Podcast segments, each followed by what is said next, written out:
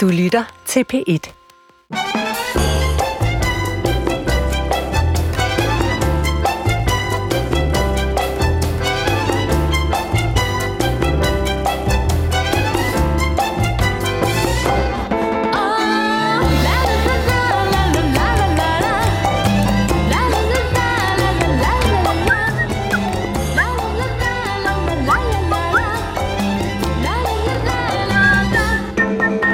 Er fredag, det ved du godt derude, og 4. division er hos dig, og besætningen i dag er ekstremt optur.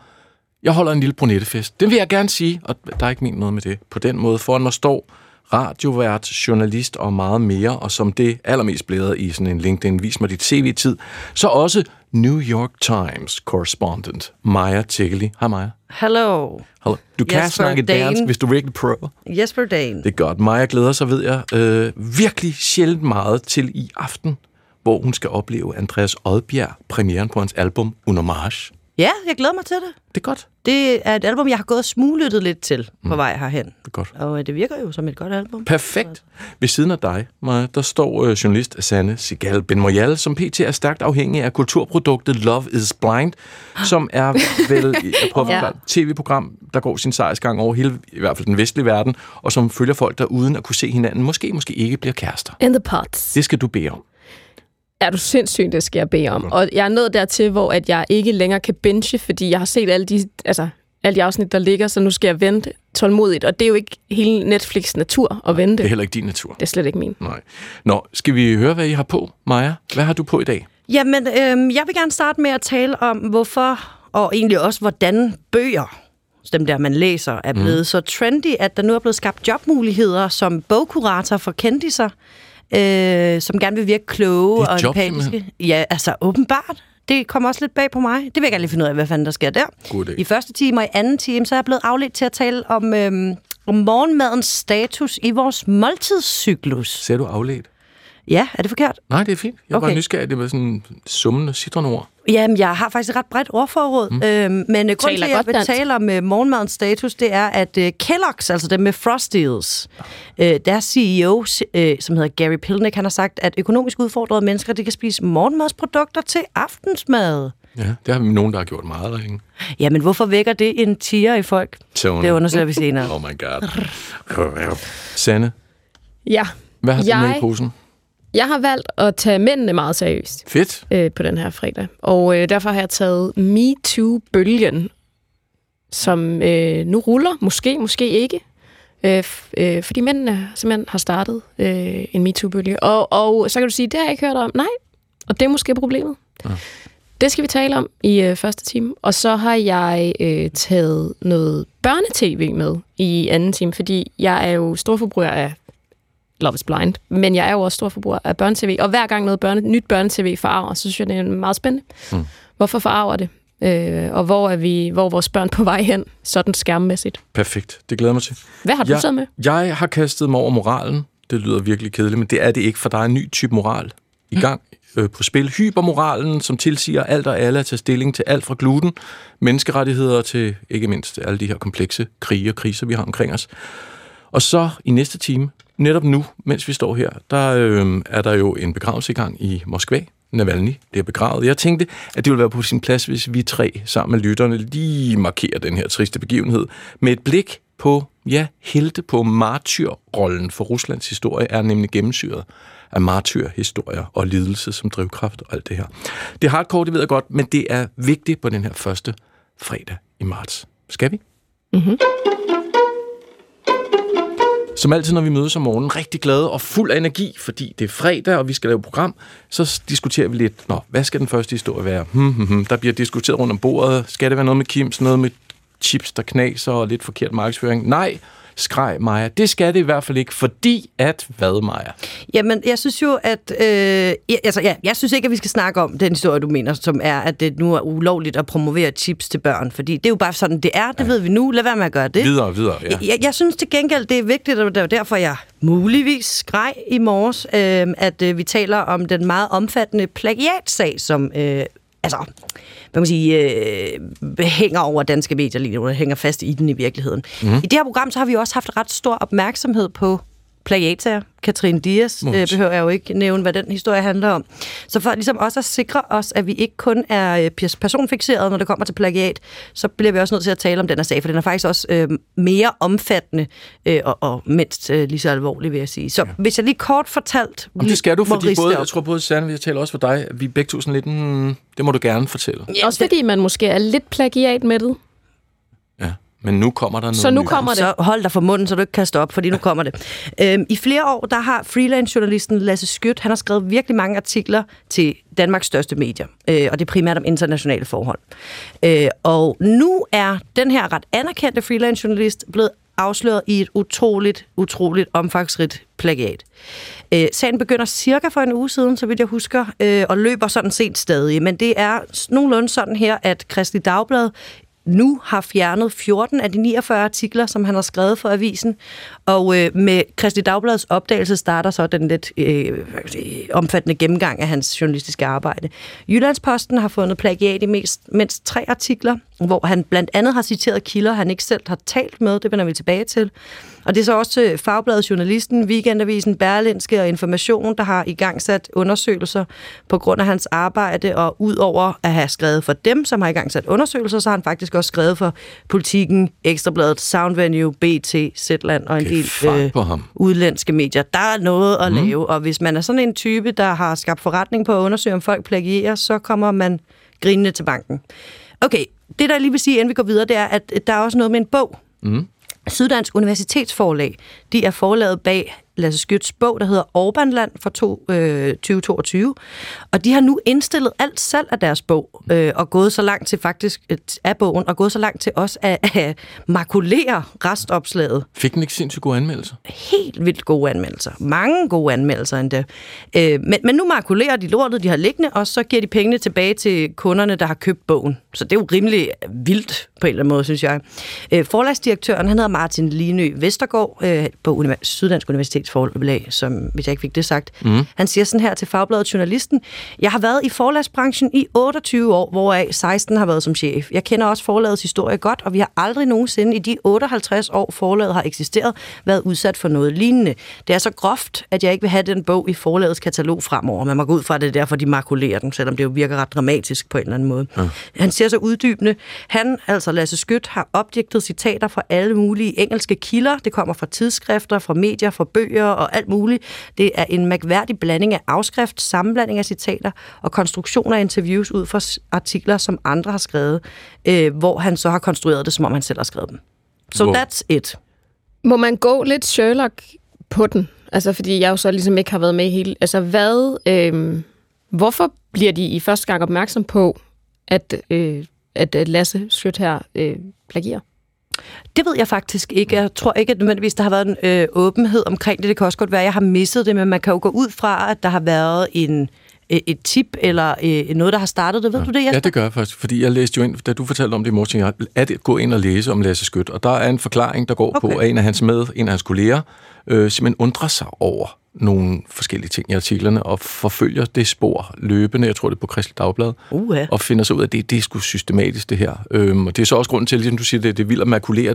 Det er jo også vildt bare at fjerne artikler og ikke lave sådan en disclaimer om, at nej, han har ikke snakket med Maja Tekeli, han har snakket med en eller anden Det øh, er Louise nogle Witherspoon. andre, der har Ja, snakket med præcis. Maja Tekeli, ja. ja øh, fordi der var så mange fejl simpelthen, at det vil kræve så meget at rette de her fejl. Så det, det er sådan, som jeg husker. Jeg kunne godt Ja. tænke mig at spørge dig, Ja. for det grunden til, at du tænder på den her, udover at du er journalist og interesseret i alle de her Ja. historier, hvad er det, du, du synes er vigtigt Jamen, der er noget, flere ting, der undrer mig i det. Altså, øh, for det første, så undrer det mig, at man øh, for eksempel som gymnasieelev øh, ikke kan sende en skoleopgave øh, til en lærer, uden at man bliver bonget for plagiat, mm. før der overhovedet er et menneske, der har læst øh, opgaven.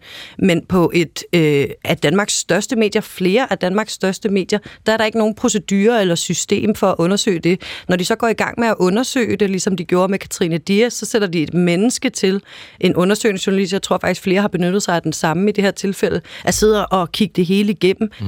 Øh, men, men, men hvorfor skal det ske på bagkant, og hvordan kan det være, at man ikke har tænkt de tanker? Fordi det er jo ikke første gang, der er plagiatsager i danske medier, eller medier i det hele taget. Men det kan jeg jo godt svare på. Nå, Det du kan svare på det hele i dag, mand. Er det det fedt. ikke. Nej, jeg tænker, jeg har et bud. Ikke? Okay, hvad er dit bud? Lad mig formulere det sådan. Jeg tænker, vi har jo tillid til hinanden, Maja.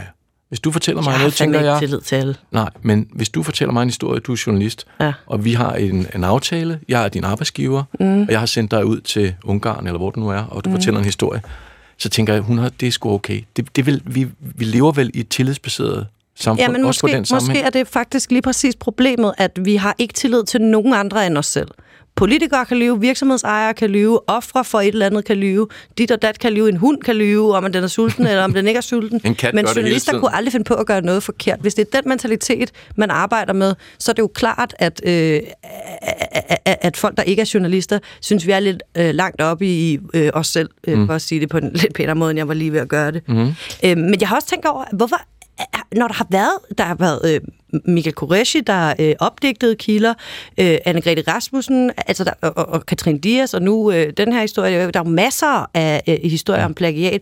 Hvordan kan det være, at man ikke har gjort noget for fremadrettet at undgå sådan nogle situationer? Og, Og og så- hvad gør man nu? Undskyld, jeg lige bliver ved med at snakke ud over at øh, gøre livet endnu sværere for freelancer. Fordi jeg forestiller mig, at det medierne gør nu, det er, at de siger, åh oh, fuck, vi kan ikke have freelancer. For det første så lyver de, og de er øvrigt også dyre, og vi er ved at fyre alle vores egne medarbejdere, så nu, nu skubber vi dem bare ud.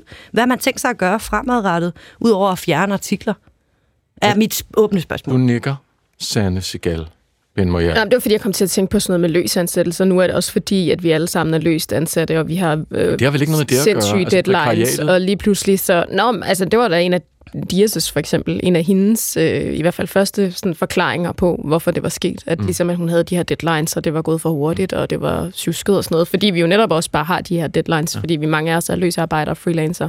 Og som mig også siger, sådan, så er det måske vil vi overhovedet bruge freelancer, hvis de bare lyver? Altså, den, hvis det er der, så bliver det jo endnu sværere freelancer. Jeg, jeg tænker faktisk ikke, det er der, den ligger, men jeg tænker, det er jo meget interessant, at i mange jobs, så er der jo sådan noget, jeg kan ikke huske, hvad de kalder det, men sådan noget log-arbejde, ikke? Altså for enormt mange sådan noget, det her har jeg gjort i dag, og ligesom tjekke op på sig selv, hvilket også kaldes byråkrati, og også mm. på mange måder er lort jo, mm. fordi det tager enormt lang tid. Men det er der jo ikke for journalister. Må jeg stille to retoriske spørgsmål på den Ja, øh, tak. note? Altså for det første, hvorfor er det, vi øh, øh, skal diskutere, om vi skal have den her historie som første historie, når vi overhovedet ikke skulle diskutere, om vi skulle have Katrine Dias som første historie? Hvad handler det om? Og hvorfor synes jeg, at jeg lige pludselig er blevet midt af plagiat, når jeg ikke synes, jeg var det med Dias? Og det er jo, fordi den var meget mere øh, kulørt. Den handlede om alt muligt andet end plagiat. Og her bliver jeg lidt træt, fordi her handler den jo faktisk bare om plagiat. Og Ej, nogen, synes- kedeligt, ja. Ja, nå, men, altså, Ja, ja. bare for at svare på det sådan helt Men du ærligt. sagde, at det var retorisk. Hvis jeg må så svare på det med Dia, så har jeg da en idé om, at det er fordi, hun førte sig frem som klog og intellektuel. Og det har Lasse Skødt ikke gjort ved at skrive overhalingsbanen. Nå, når jeg tænker bare, at du snakker om det der med, hvorfor er det, at Reddit, jeg var inde og søge også, ikke? der er kun 40 kommentarer på Reddit. Jeg tror godt, vi kan blive enige om, der er flere tusind på Katrine Dias. Ikke? Jo. Øhm, så Lasse lever i skyggerne, og Dias var en, der var ude at larme. Det er vel en meget plausibel forklaring på, hvorfor at vi ikke har hørt om Lasse. Men Lasse har skrevet en bog om Orbán, altså, som har Det er jo fået mega god anmeldelse. fancy uh, Instagrammable som det andet, er det det? Nej, det, det, det er det i hvert fald ikke nu, øh, fordi øh, nu er han i hvert fald blevet taget i det her, og øh, jeg øh, synes også, det er vigtigt at sige til sidst, jeg, jeg, jeg ved godt, det bliver sådan lidt sådan, jeg er inde i min journalistboble, og jeg synes, det er vigtigt i min branche og sådan noget, mm. men, men når vi går og diskuterer øh, og, og, og skal forholde os til en situation, hvor medierne er presset, sandhed er presset, sociale medier, Donald Trump, bla bla, alt det der, øh, når der så bliver ved med at dukke plagiatsager op, så bliver vi også nødt til at tage det og os selv alvorligt, mm. hvis vi skal forvente, at andre skal gøre det og betale abonnementer til vores aviser osv. Så, videre, og så, videre. så jeg håber, der bliver gjort et eller andet fremadrettet. Så Men du spurgte netop retorisk, hvad skal vi så gøre fremadrettet? Jeg har ikke et svar, men sidder du med et? Er hvad for noget? Hvad skal vi gøre fremadrettet? Du spurgte retorisk. Jeg synes ikke rigtigt, vi havde et svar, men havde du et? Øh, jamen, jeg har ikke nødvendigvis en løsning. Jeg påpeger et problem, men jeg vil rigtig gerne være en del af løsningen. Og det er også derfor, at jeg øh, fremhæver for eksempel eksempler som på gymnasier, hvor der er simpelthen nogle Ja, der er sådan noget software, man noget ind software, man ja. bruger. Mm. Øh, og øh, det, det, det, det vil jeg foreslå som en, en del af en eventuel løsning. Jeg vil også rigtig gerne være med til at øh, tale om det fremadrettet. Og så vil jeg også bare lige sige, at nu sidder vi jo og snakker om Lasse Skyt, og han er her ikke, men vi har forsøgt at kontakte ham, vi har forsøgt at ringe til ham, og vi har skrevet til ham, men øh, han har ikke sagt noget endnu. Men i virkeligheden, så det du siger, det er, at, at inde på redaktionerne rundt omkring øh, alle steder, bør de ligesom på gymnasierne, jeg har også jeg abonnerer på noget, der hedder Rank Tracker, tror jeg det hedder, hvor man kan lige tage øh, dokumenter over, og så kan den finde ud af, om der er noget derude, der minder om. Ja, men for eksempel, ja. altså, og, og det er jo bare starten på at begynde, øh, ligesom du siger øh, lidt tidligere, at bryde den tillid, vi har til hinanden. Vi skal ikke gå rundt og være mistænksomme, mm. øh, men vi skal se hinanden efter i sømne. I Sverige, der er det faktisk sådan, at der findes sådan en hotline af en art, man kan skrive til, hvis man har en mistanke om, at en journalist gør noget forkert, og så bliver Ja. det undersøgt. Øh, altså, vi bliver nødt til at gøre sådan nogle her ting, hvis branchen skal blive ved med at udvikle sig, og for folk, der ikke er en del af branchen, hvis vi skal blive ved med at kunne have en eller anden form for øh, tillidsvækkende information. Mm. Og så er der måske også noget lidt trist i, at jeg tror faktisk, at rigtig mange mennesker derude øh, faktisk bare kommer ret hurtigt videre for løgnen. Altså måske har vi mm. bare hørt den for meget. Altså nu snakker du også som politiker. Og sådan. Altså jeg tror, at ret mange ligesom øh, ret hurtigt glemmer. Ja, han har kravlet helt ind i sit revhul. Han kommer ikke ud forløbig ham her. Det vil klæde ham. Jeg vil synes, det var spændende at høre, hvad, han, øh, hvad, hvad hans øh, forklaring er, eller hvad ja. man skal sige. Mm. Skal vi sætte et punktum der? Det kan vi godt. Godt. Så gør vi det. Og så peger mikrofonen mod Sande. Det gør den nemlig. Og det var det der med, at jeg havde prøvet at tage mændene øh, meget alvorligt. Mm-hmm. Øh, fordi at øh, vi øh, har øh, måske ramt en ny bølge. Altså MeToo-bølgen startede jo med det her lille hashtag i, i 2017. Øh, og så blev det siden til noget, vi har opfundet et helt sprog for. Man kan gå op til HR og sige, øh, jeg har været udsat for en MeToo. Og så ved alle, hvad vi taler om, nemlig sådan en forvrængning eller forskydelse af, af magtforhold. Men, øh, men der er ligesom sådan et lille forbehold, og det er jo, at indtil videre har det mest været kvinder, der er stået frem med, med de her øh, historier. Men i den her uge stod øh, den mandlige franske skuespiller Aurélien Vic, jeg håber, han udtaler sådan, det gør han øh, så frem og fortalte om et, øh, et overgreb, øh, han har været udsat for. Og øh, til at tale om en ny potentiel MeToo-bølge, øh, har jeg inviteret i studiet ingen øh, mindre end kronik redaktør på Berlingske, Anne-Sophie Alap. Hej, hej, hej. Velkommen hej. til. Øhm, skal vi faktisk måske lige høre det der klip, øh, hvor han øh, siger noget på fransk. Jeg skal gøre mit bedste for at oversætte det. J'ai porté plainte à 16 ans. Je l'ai envoyé en prison. La reconnaissance du statut de victime est importante. Avoir été abusé ne fait pas de nous moins des hommes. Øh, altså, jeg politianmeldte ham, da jeg var 16 år. Jeg sendte ham i fængsel. Anerkendelsen af, at man er et offer, er vigtig, og at være blevet misbrugt betyder ikke, at vi er mindre mændige. Og jeg tænker måske, det første og det sidste er enormt vigtigt, altså, at han, det her det har været en retssag. Altså mange, tit bliver man beskyldt for det der med MeToo, det når kun til internettet her, der, øh, der taler om en retssag, og, øhm, og han blev politianmeldt og var fængslet, og, øh, og så er der det sidste netop den der sårbarhed, som øh, jeg tænker, vi skal tale om. Anne-Sophie Allap, altså, øh, har du et bud på, hvorfor det her egentlig sker lige nu? Jeg synes, der er mange ting i tiden, der, øh, der i virkeligheden lægger op til, at man begynder at tale øh, lidt mere nysgerrigt om manden. Øh, der sker en masse på modeområdet. Øh, øh, mænd begynder at kunne have nejlagt på. Øh, mænd begynder at kunne tage pink på. Det er i virkeligheden lidt, lidt flot, hvis de gør det. Øh, eller bare lyserød. Øh, altså, der, der sker rigtig meget øh, lige nu, som det her føder ind i. Øh, og jeg synes også, at det er, altså, det er et godt tidspunkt. Øh, vi har i virkeligheden så er manden jo sådan lidt en, en for mig i hvert fald sådan en mytisk figur. Øhm, han er altså den meget stereotyp. Øh, jeg vil også bare lige deklarere, nu sidder vi tre kvinder og helst en mand til stede og taler om manden. Øhm, han, han burde jo være her for, for at være med til at snakke om ham, men, men, men sådan fra, fra den anden side, så, så ser jeg øh, manden øh, i denne her tid som sådan et altså en, en mytisk figur, øh, som øh, mangler en udfoldelse, altså som jeg i virkeligheden er lidt nysgerrig på, og som har så et meget stereotypt øh, udtryk, og det tror jeg også, øh, måske nogle mænd vil kunne genkende øh, den, øh, den antagelse. Øhm, vi ved jo godt, hvad kvinden er, og vi har kæmpet meget for kvinden. Altså, vi har kæmpet for kvindens øh, professionelle øh, selvstændiggørelse og, og frigørelse. Vi har kæmpet for kvindens øh, seksuelle frigørelse øh, og muligheder. Og i dag der er det muligt at være kvinde på mange måder. Øhm, men øh, det er som om, at det der med at være en heteroseksuel mand, det har ikke så mange udfoldelsesmuligheder. Altså, hvis du, hvis du ryger ud over en eller anden ret smal ramme, ja, så er du sikkert homoseksuel eller non-binær eller et eller andet andet. Øhm, og, øh, og der tror jeg, at vi måske går ind i sådan en tid, hvor at man bliver lidt mere nysgerrig på manden på en række områder. Mm. Jeg tænkte, meget, meget interessant det her. Kulturen havde besøg i går øh, på P1, havde besøg af, af Kenneth Reinicke, som er forsker i maskulinitet på RUK. Og han nævnte det her med, at manden som rollemodel, og især i Frankrig, for det er jo virkelig weird, det er Frankrig, der starter MeToo Garçon. Og Frankrig er jo måske det mest patriarkalske samfund. Hvad er din, hvad er din forklaring på, tror du, at, at det er der, det starter? Altså der mændene også nu siger, at vi vil også høres? Jeg tror, at Frankrig er jo først og fremmest et land, hvor man tager kunsten virkelig, virkelig alvorligt, og som vi også så med den kvindelige MeToo-bølge, så er det, så er det kunstmiljøet, hvor at det, de her magtforhold er måske er allermest øh, øh, tydelige. Altså, hvis du skal kastes til en rolle, jamen, så skal du altså øh, have en eller anden form for favorabel blik fra dem, der gør det.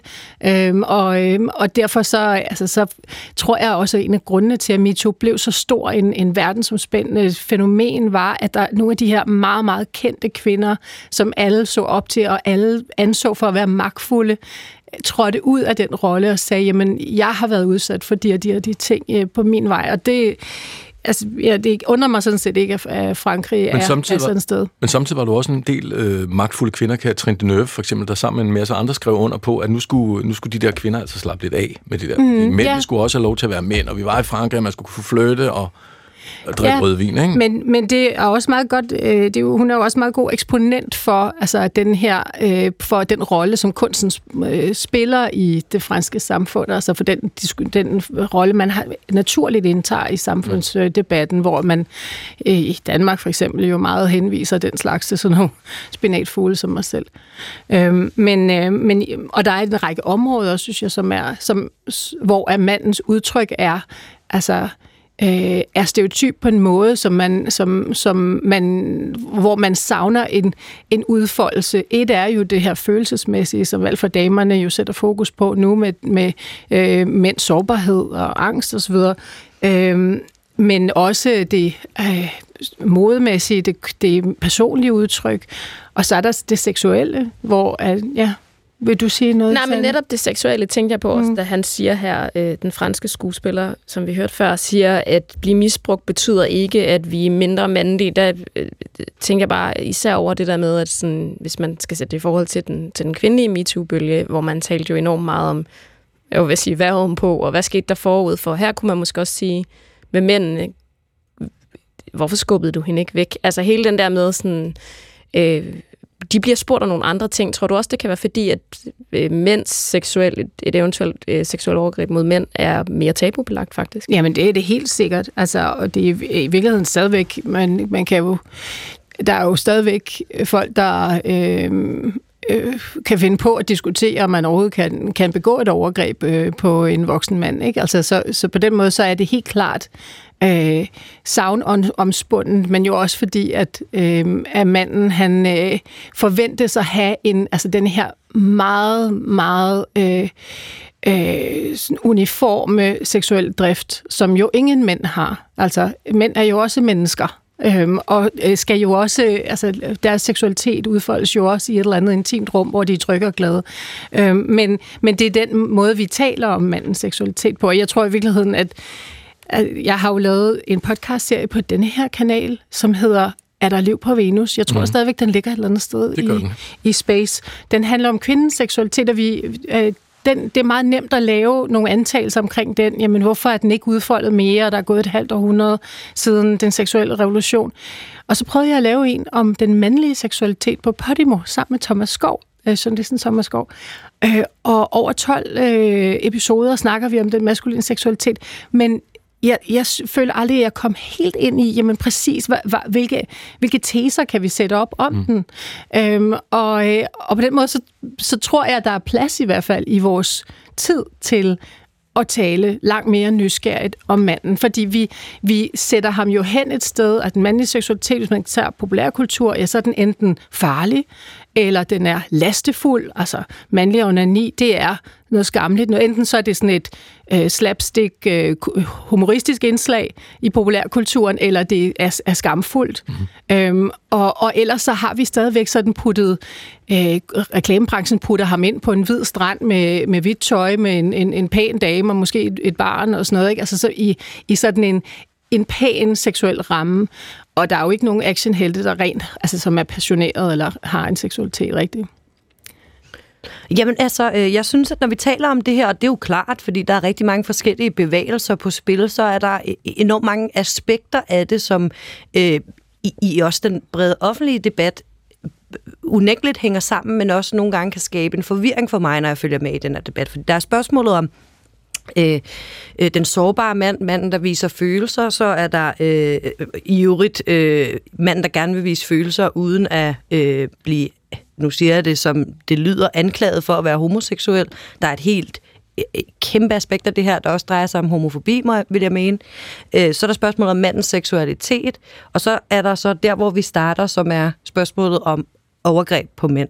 Så hvis vi lige kan blive der, bare for at, øh, at jeg selv er med, altså, øh, jeg, jeg synes, jeg har set meget få eksempler på den slags historier i Danmark, altså mænd, der bliver udsat øh, for overgreb. Øh, især, øh, jo, jo øh, men, men en, ikke? Ja. Og, og der har vi ikke at gøre med Nej, det var klap i røven eller sådan noget. Ja, altså det er ikke, man skal græde på, men I forstår, hvad jeg mener. Og så er der selvfølgelig meget, der, der kommer sådan tilbage til barndommen og sådan noget, hvis vi taler om det. Mm. Kan vi forvente, at øh, den her bevægelse fra Frankrig øh, breder sig ud over Frankrig? Ja, det, jeg tror, at man kan forvente, at, at øh, mænds øh, evne til også at, at være et offer, eller en, som kan, man kan begå et overgreb imod, at, at, den, øh, at det bliver mindre tabuiseret. Men det er klart, at, at der er... Øh, altså, at der, det er langt mere øh, svært for en mand at træde frem i den rolle. Og hvorfor? Fordi jeg tænker, når vi mm. taler om MeToo med kvinder, og vi taler om hele det der patriarkalske system, man kan blive fastholdt i, Ja, hvem holder så hvem tilbage her? Altså, hvem holder mændene tilbage? det gør patriarkiet. Ja, det er vel patriarkiet, kulturbestemt. Ja. Det er også det, jeg står og tænker, når I hører sådan nogle historier, Mm. Hvad tænker I så? Tænker I, det er vigtigt, det må vi tage videre, vi må gøre noget? Selvfølgelig. Ja. Ja. Altså, der hører om overgreb på mænd. Fuldstændig. Selvfølgelig. Okay.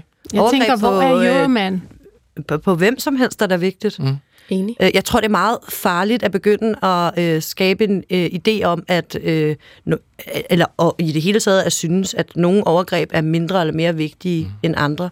Men hvordan er det for dig som mand, at der bliver skabt en mere åben debat om alle de her emner? Altså, jeg ved jo som kvinde, da MeToo-debatten gik i gang, og spørgsmålet om kvinders seksualitet foldede sig ud, så var der også nogle af mine egne personlige grænser, der blev overskrevet. Har du det også sådan, Jesper? Mm, det ved jeg ikke rigtigt. Altså nu, som sagt, nu refererede jeg før til ham der, Kenneth Reinicke, som var gæst, mandeforskeren. Han satte ord på lige præcis det der med, at, at mænd, det er jo utroligt, uanset hvor vigtigt det er, og det er vi enige om, så er det utroligt få mænd, der er udsat for det her. Og derfor så er der ikke så stor, altså på den måde er det jo ikke så graverende et problem, set fra mandesiden. Men må jeg også godt betvivle en eller anden form for mørketal? Altså, fordi jeg tænker, at så kan vi tale om grader og sådan noget. Det, Mm. er, også lidt, det er også lidt en slippery slope, som mig siger, at begynde at tale om grader. Men sådan, da MeToo-bevægelsen startede, var det jo heller ikke sådan, at alle var sådan MeToo, men lige pludselig så skete der jo også noget i bevidstheden, og den måde, man tænkte tilbage på sin tid på, og lige pludselig så Ja. kunne man tale med sin mor om det, og lige ja. ja. pludselig så kom der nogle historier, man aldrig havde hørt før. Men det, jeg synes er vigtigst, uanset om det er mænd eller kvinder, det er den diskussion om magt. Altså, det, og det ikke handler om gradueringer af overgreb, men det handler om magtmisbrug. At nogen har gjort noget ved et barn, for eksempel, om det er en mand eller en kvinde. At nogen har misbrugt deres magtposition. Det er jo der, diskussionen er interessant. Og måske et åbent spørgsmål til alle øh, i lokalet. Kan den her bølge, øh, hvis vi deler dem op, den kvindelige MeToo-bølge og nu den mandlige MeToo-bølge, tror I, den kan få den samme effekt, som, som den havde der i 2017? Jeg tror ikke, jeg tror simpelthen ikke, at øh, den, altså den mandlige MeToo-bølge, som altså sådan snævert defineret som værende øh, et, et uskævt magtforhold, at den vil få samme øh, vind overhovedet. Det tror jeg ikke. Men jeg tror, at øh, tiden er moden til at diskutere manden på en ny måde, og det tænker jeg egentlig, at han også skal være med til. Det skal han. Tak fordi øh, du kom, Anne-Sophie Allerp. Det var en fornøjelse. Det er 4. division. Det er fredag. Det er Sanne Sigal Ben Moyal, og ved siden af hende Maja Tjekkeli. Og øh, Maja, så er vi nået til en af dine øh, hovedhistorier. Ja, det er vi. Og øh, inden vi går i gang med den, så skal vi lige høre noget. Har du et godt tip til gode bøger, man kan sige, man har læst, uden man har læst dem? 100 procent, 100 procent. Der er mange. Øh, på spor af tabt tid og Proust, klassiker. Øh, Don Quixote. Øh, alt af Hemingway, det kan man bare sige, man har læst. Det er, der er et eller andet over det. Det synes folk er fedt. Alt af Dostojevski skal du lade som om du har læst. Bare russiske forfattere generelt. Bare sig, jeg har læst den her russiske forfatter. Lev Tolstoy, hvem end det er. Det kan folk rigtig godt lide. Ja, norsk litteratur, det er også noget Jon Foss eller sådan noget. Det er perfekt at sige, man har læst. Så er der ikke nogen, der læser nynorsk. Ikke engang folk fra Norge. Hvem er der ellers? Sådan en klassisk herværk, den skal man sige, man læst flere gange, så folk tager ikke udfordret sig på den. Ja, sådan noget tysk, sådan noget Faust eller skuespil. Jeg føler også, folk siger tit, at de har læst skuespil, men der er ikke rigtig nogen, der gider at læse skuespil. Stærkt. Det vi lige hørte her, det var et uh, interview med en filosofistuderende fra KU, der gav uh, programmets praktikant Clara Faust Spis nogle gode råd til, hvilke bøger hun kan lade som om, hun har læst for at virke sej og klog. og uh, det er jo ikke ligefrem en nyhed, det vil jeg gerne indrømme, at folk de spiller smarte med deres viden. Uh, uh, men i forbindelse med, at jeg faktisk selv er uh, så heldig, at jeg er begyndt at anmelde bøger, så er det gået op for mig, at der er utrolig mange lag i at flashe, at man læser, og at man har bøger stående derhjemme. Uh, så åbenbart også, selvom man ikke har læst dem, lyder det til. Øh, Julia Larme, du er forfatter, etnolog og livsstil, livsstilsekspert, og så er du her i dag for at hjælpe mig med at komme til bunds i bøger som en form for modefænomen. Tak fordi du er kommet. Tak fordi jeg måtte. Jeg tænker, du godt selv kan lide at læse. Jamen, jeg altså, er jo besat. Du er besat af at læse. Jeg er besat. Du er så ja. besat, at du selv skriver også, faktisk. Ja, Men kan du så svare mig på, at når jeg som for det første bruger af sociale medier, herunder sådan noget som TikTok desværre, øh, lægger mærke til en opstandelse af fællesskaber som hashtag BookTok, Mm. Øh, når jeg kan se, at verdens største modeller, øh, sådan som Kendall Jenner, bliver fotograferet med øh, bøger, musikeren Grimes, der poserer med Karl Marx, og når jeg så også kan læse, at der nu findes kuratorer, øh, der finder de helt rigtige bøger til fotoshoots og bogreoler til kendiser, er bøger så blevet moderne igen, og har de nogensinde været ude af mode, øh, eller har vi bare fået en ny kanal til at blære os med dem? altså jeg tror aldrig, de sådan helt har været ude af mode, men vi har haft øh, altså 90'erne og, og ind i nullerne, hvor der var sådan en æstetik med, at man skulle rydde op, og det måtte ikke støve.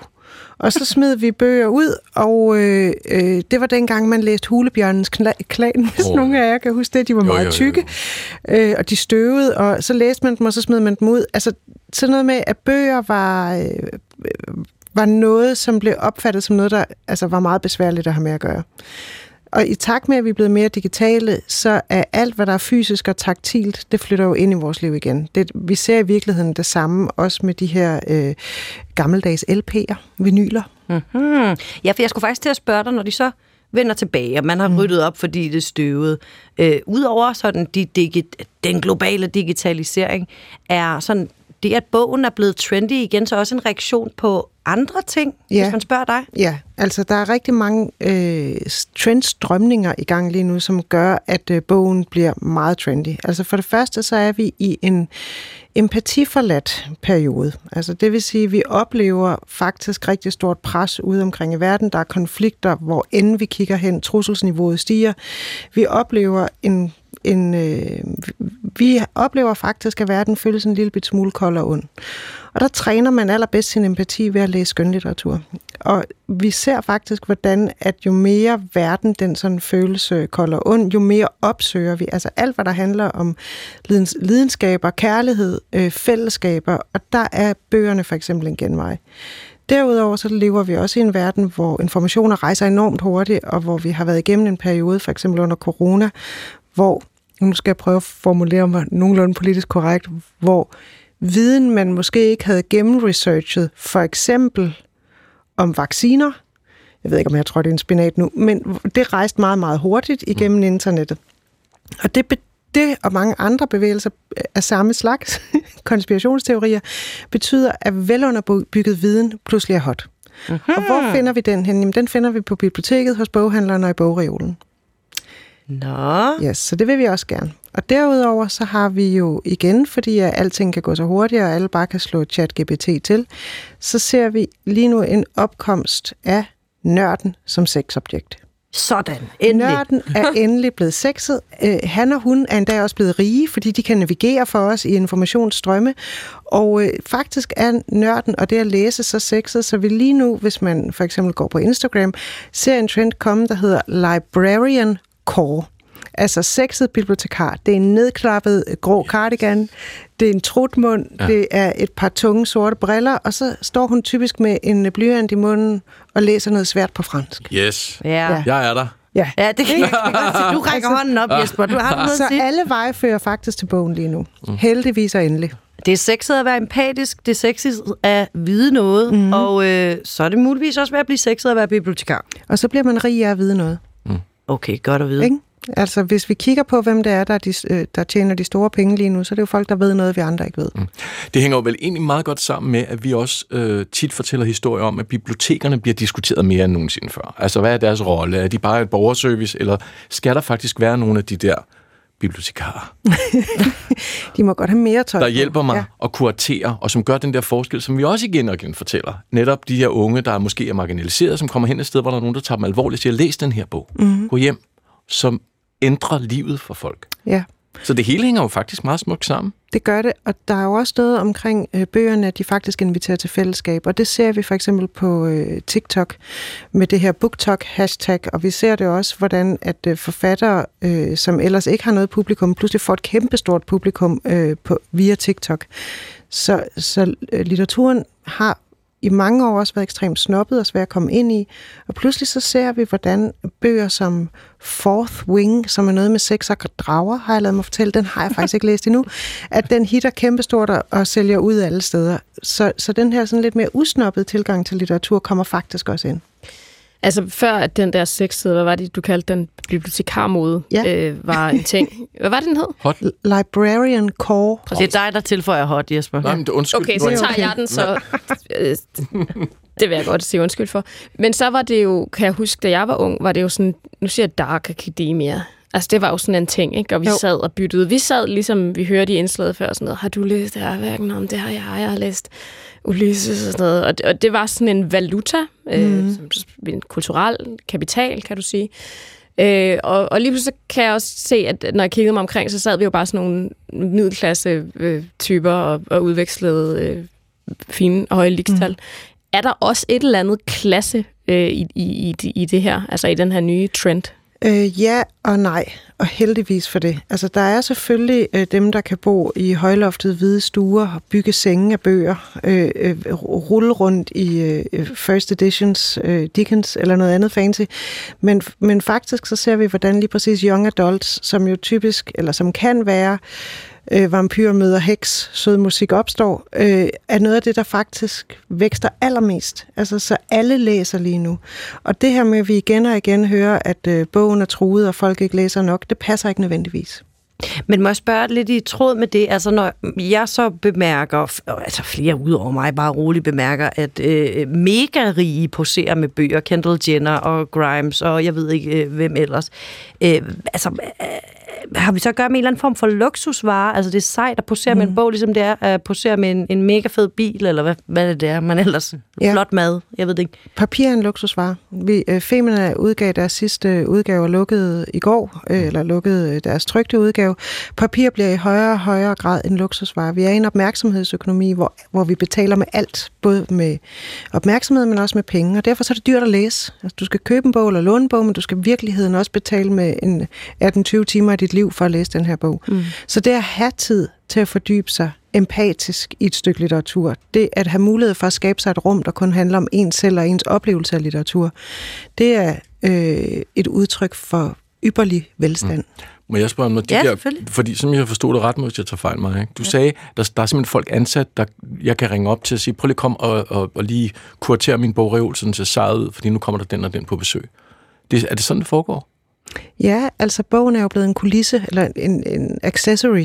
Så når man sidder i deadline, så har man sat sit kamera op, og så øh, ja. skider Ja, men det, det har i virkeligheden eksisteret altid. Ja. Ja. Altså vi har, øh, hvis man sådan besøger sådan nogle, øh, øh, nogle udstillingshjem, sådan nogle gamle slotte i, øh, i England, så er en stor del af møblementet jo et bibliotek. Mm. Og der har jeg lavet mig fortælle, at ikke alle bøger er rigtige bøger. Det kan også bare være noget lædert, øh, for, eller noget, der er forklædt som, øh, som bog. Fordi man gerne vil altid, altså det har været tilbagevendende gennem kulturhistorien, at vi gerne har ville se belæste ud. Det klæder os at være nogen, der ved noget. Mm. Jeg har en tendens til i det her program i dag at bare relatere alting til mig selv. Så det gør jeg lige igen. Øh, og jeg er jo ligesom vokset op i sådan noget, alle har ret til et fedt køkken øh, og tid, som, hvor det bare var penge. Det var bare fedt. Hvis man bare havde penge, så havde man kap- altså kapital, og det var nok mm. på en eller anden måde. Mm. Øh, og her der taler vi så om sådan en lidt sådan iscenesat kulturel kapital, kan man sige. Øh, jeg kan også mærke lige nu, at for eksempel så er det ikke kun fedt at have penge, man skal også have rigtig mange børn. For ellers er man ikke rigtig rig på en eller anden måde. Og nu 3,5. 3,5 3,5. det er en del. Øh, og, og bare for at sige sådan, er det simpelthen også bare fordi, vi er nået til et sted, hvor penge bare ikke er kapital nok?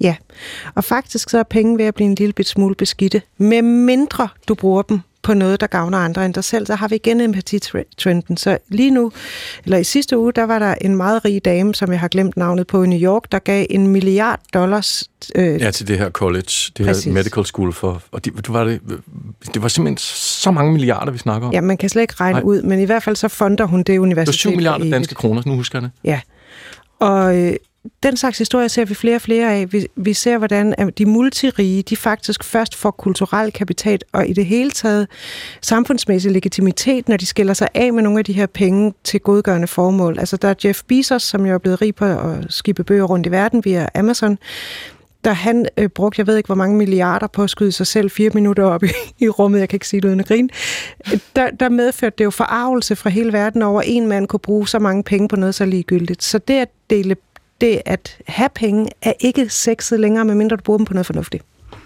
Øhm, altså, jeg, jeg kan mærke, at øh, vi alle sammen kunne snakke virkelig længe om det her, øh, og i forbindelse med det øh, at kuratere bøger, sådan som man ser klog og, og ordentlig ud, så, så læste jeg også, at der findes flere forskellige typer af kuratering, eller flere forskellige de, designs øh, i din lejlighed eller dit hus. Øhm, og en af dem øh, følger jeg mig meget angrebet af, da jeg læste det, for det er sådan en, hvor der står bøger over det hele. Det er ikke den klassiske TV2 News, hvor de står omme bagved øh, Karnov og alt det der, øh, men hvor de sådan står hulter til bulter, fordi man simpelthen bare har så mange bøger, man kan slet ikke holde styr på, hvor meget man læser. Tre på en gang. Ja, så læser du lige på vej ud i køkkenet. Og... Altså, jeg har ikke særlig meget plads hjemme hos mig, så det er det, det handler om. Og muligvis, det kan godt være, der er et eller andet underbevidst, wow. men, men jeg kommer til at tænke på, en som dig, Julia, der skriver, læser og, og ved noget om, hvordan man øh, og hvorfor man, man flasher sine bøger. Hvordan ser det egentlig ud hjemme hos dig? Altså, jeg roder jo. Du er også en rodepige. Du har så mange bøger. Du nej, nej, nej, nej, jeg har jeg roder med alt. Det er Nå, også okay. sokker. Og, skrald. nej, der er ikke skrald. Men, men øh, øh, der ligger bøger i to lag i bogreolen. Nå. Altså, fordi jeg har ikke plads. Aha. Mm. Og de ligger sådan, de står ikke bare pænt, de ligger også på den anden led og inde bagved. Og, og så er jeg nødt til at skille mig af med bøger løbende. Og altså, det er for at blære dig, at du har så mange bøger? Eller? Nej, det er fordi, at øh, jeg læser virkelig, virkelig meget. Kan man også bare, udover hvis, at man ønsker at fortælle noget om sig selv, kan man også bare få noget godt og dejligt ud af at have mange bøger derhjemme? Ja, det kan man. Og hvad er det? Nu tager vi bogormene i forsvar. Ja, altså der er et begreb for det her. Det hedder book wealth, ja. som er, man er rig på bøger. Så det kan godt være, at du ikke har sparet op til pensionen, Ej. men du har paperbacks i alle hjørner. Og så sker der jo faktisk det, at øh, bøger er lyddæmpende. Mm. Og de dufter helt vildt godt. Mm. Så man, hvis man har rigtig mange bøger i sit rum eller i sin lejlighed, så træder man jo ind i sådan en rede, en, en lydisoleret rede, der dufter af ord og og minder en om alle de karakterer, man har suget ind og trænet sin empati med. Mm. Kan man så blive fri for de der redselsfulde lyddæmpende lofter? Ja, det kan man. Mm. Så det lyder som om, at øh, hvis man gerne vil være med på moden, så skal man prøve at blive empatisk, øh, man skal prøve at blive klog, man skal eventuelt begynde at samle på bøger, øh, og så kan vi vel roligt sige, det ved jeg ikke, om, om jeg har ret i, at øh, bogen overlever den globale digitalisering. Jeg Endnu en gang. er overhovedet ikke i tvivl. Altså, bogen er jo det medie, der er blevet slået ihjel flest gange, eller dømt ude flest gange, og den har overlevet hver eneste gang. Det er en fuld Phoenix. Julia Larme, tak fordi du kom. Forfatter, etnolog, livsstilsekspert, rodehoved. Mm. Jeg håber, du kommer tilbage en anden gang. tak, tusind tak, fordi jeg måtte. Jeg er stødt ind i et nyt begreb. Har I hørt om øh, hypermoral? I to, Sanne og mig. Har I hørt om hypermoral? Nej, jeg har hørt om dobbeltmoral. Ja, men ikke rigtig hypermoral. Nej. Nej, så er det godt, at øh, jeg tog den historie med her, fordi jeg har heller ikke hørt om det. Anna Sofia Hermansen øh, kastede sig over øh, moral i Weekendavisen. Det var faktisk sidste søndag, Øh, og hendes kommentar var blandt andet affødt af Copenhagen Pride, der er kendt for, for selvfølgelig den her mangfoldighedsparade København hvert år, der nu kræver, at fremtidige samarbejdspartnere forholder sig til den her Israel-Hamas-konflikt på en, citat, tilfredsstillende måde. Øh, også filmfestivalen Biennalen, eller Berlinalen hedder det, øh, i Berlin, signalerer, at de øh, kræver våbenhvile i Gaza, og de bryder sig ikke om politikere fra det højre nationale parti, Alternative for Deutschland, selvom det egentlig ikke rigtigt, kan man vel sige, har noget med, øh, med film at gøre. Og det samme, det har vi også talt om her i programmet, øh, har jeg jo hver eneste gang, der er et land, der holder Eurovision, så er der også ballade. Øh, lad mig lige citere anna Sofie Hermansen. Hun skriver, der er jo ikke noget galt i, ups, nu vælter også et glas, der er ikke noget galt i, at kunstnere og kulturaktører tager stilling. Problemet opstår, når andre bliver ekskluderet af at tænke, mene og kæmpe for noget andet. Nutidens hypermoral er ultimativt undergravende for fri tænkning og ytringsfrihed, men først og fremmest er den kedelig. Så, med andre ord, så afkræves vi svar. Vi afkræves svar fra organisationer, fra firmaer. Hvor er det? Hvor står vi? Hvor placerer du dig henne? Og det her hypermoral lyder lidt for mig som sådan en øh, sådan afsnit af det der Black Mirror-serie på, på mm. Netflix. Ikke? Sådan en sci-fi fremtidsdystopi, hvor moralsystemer og hele tiden bliver grænsket. Hvorfor kan man ikke bare være, tænker jeg jo, måske lidt naivt glidet sted, og hvorfor skal der være det her meningspolitik? Hvorfor skal jeg mene noget? Og derfor ringede jeg til en mand, der kan opklare det her på det filosofiske plan. Vi fyrer simpelthen op for filosofien, sammen med en ven af det her program, kan man vist roligt sige. Rasmus Ugilt, velkommen til. Mange tak. Filosof i firmaet Most. Ja. Det her er jo hyperkomplekst. Uh-huh.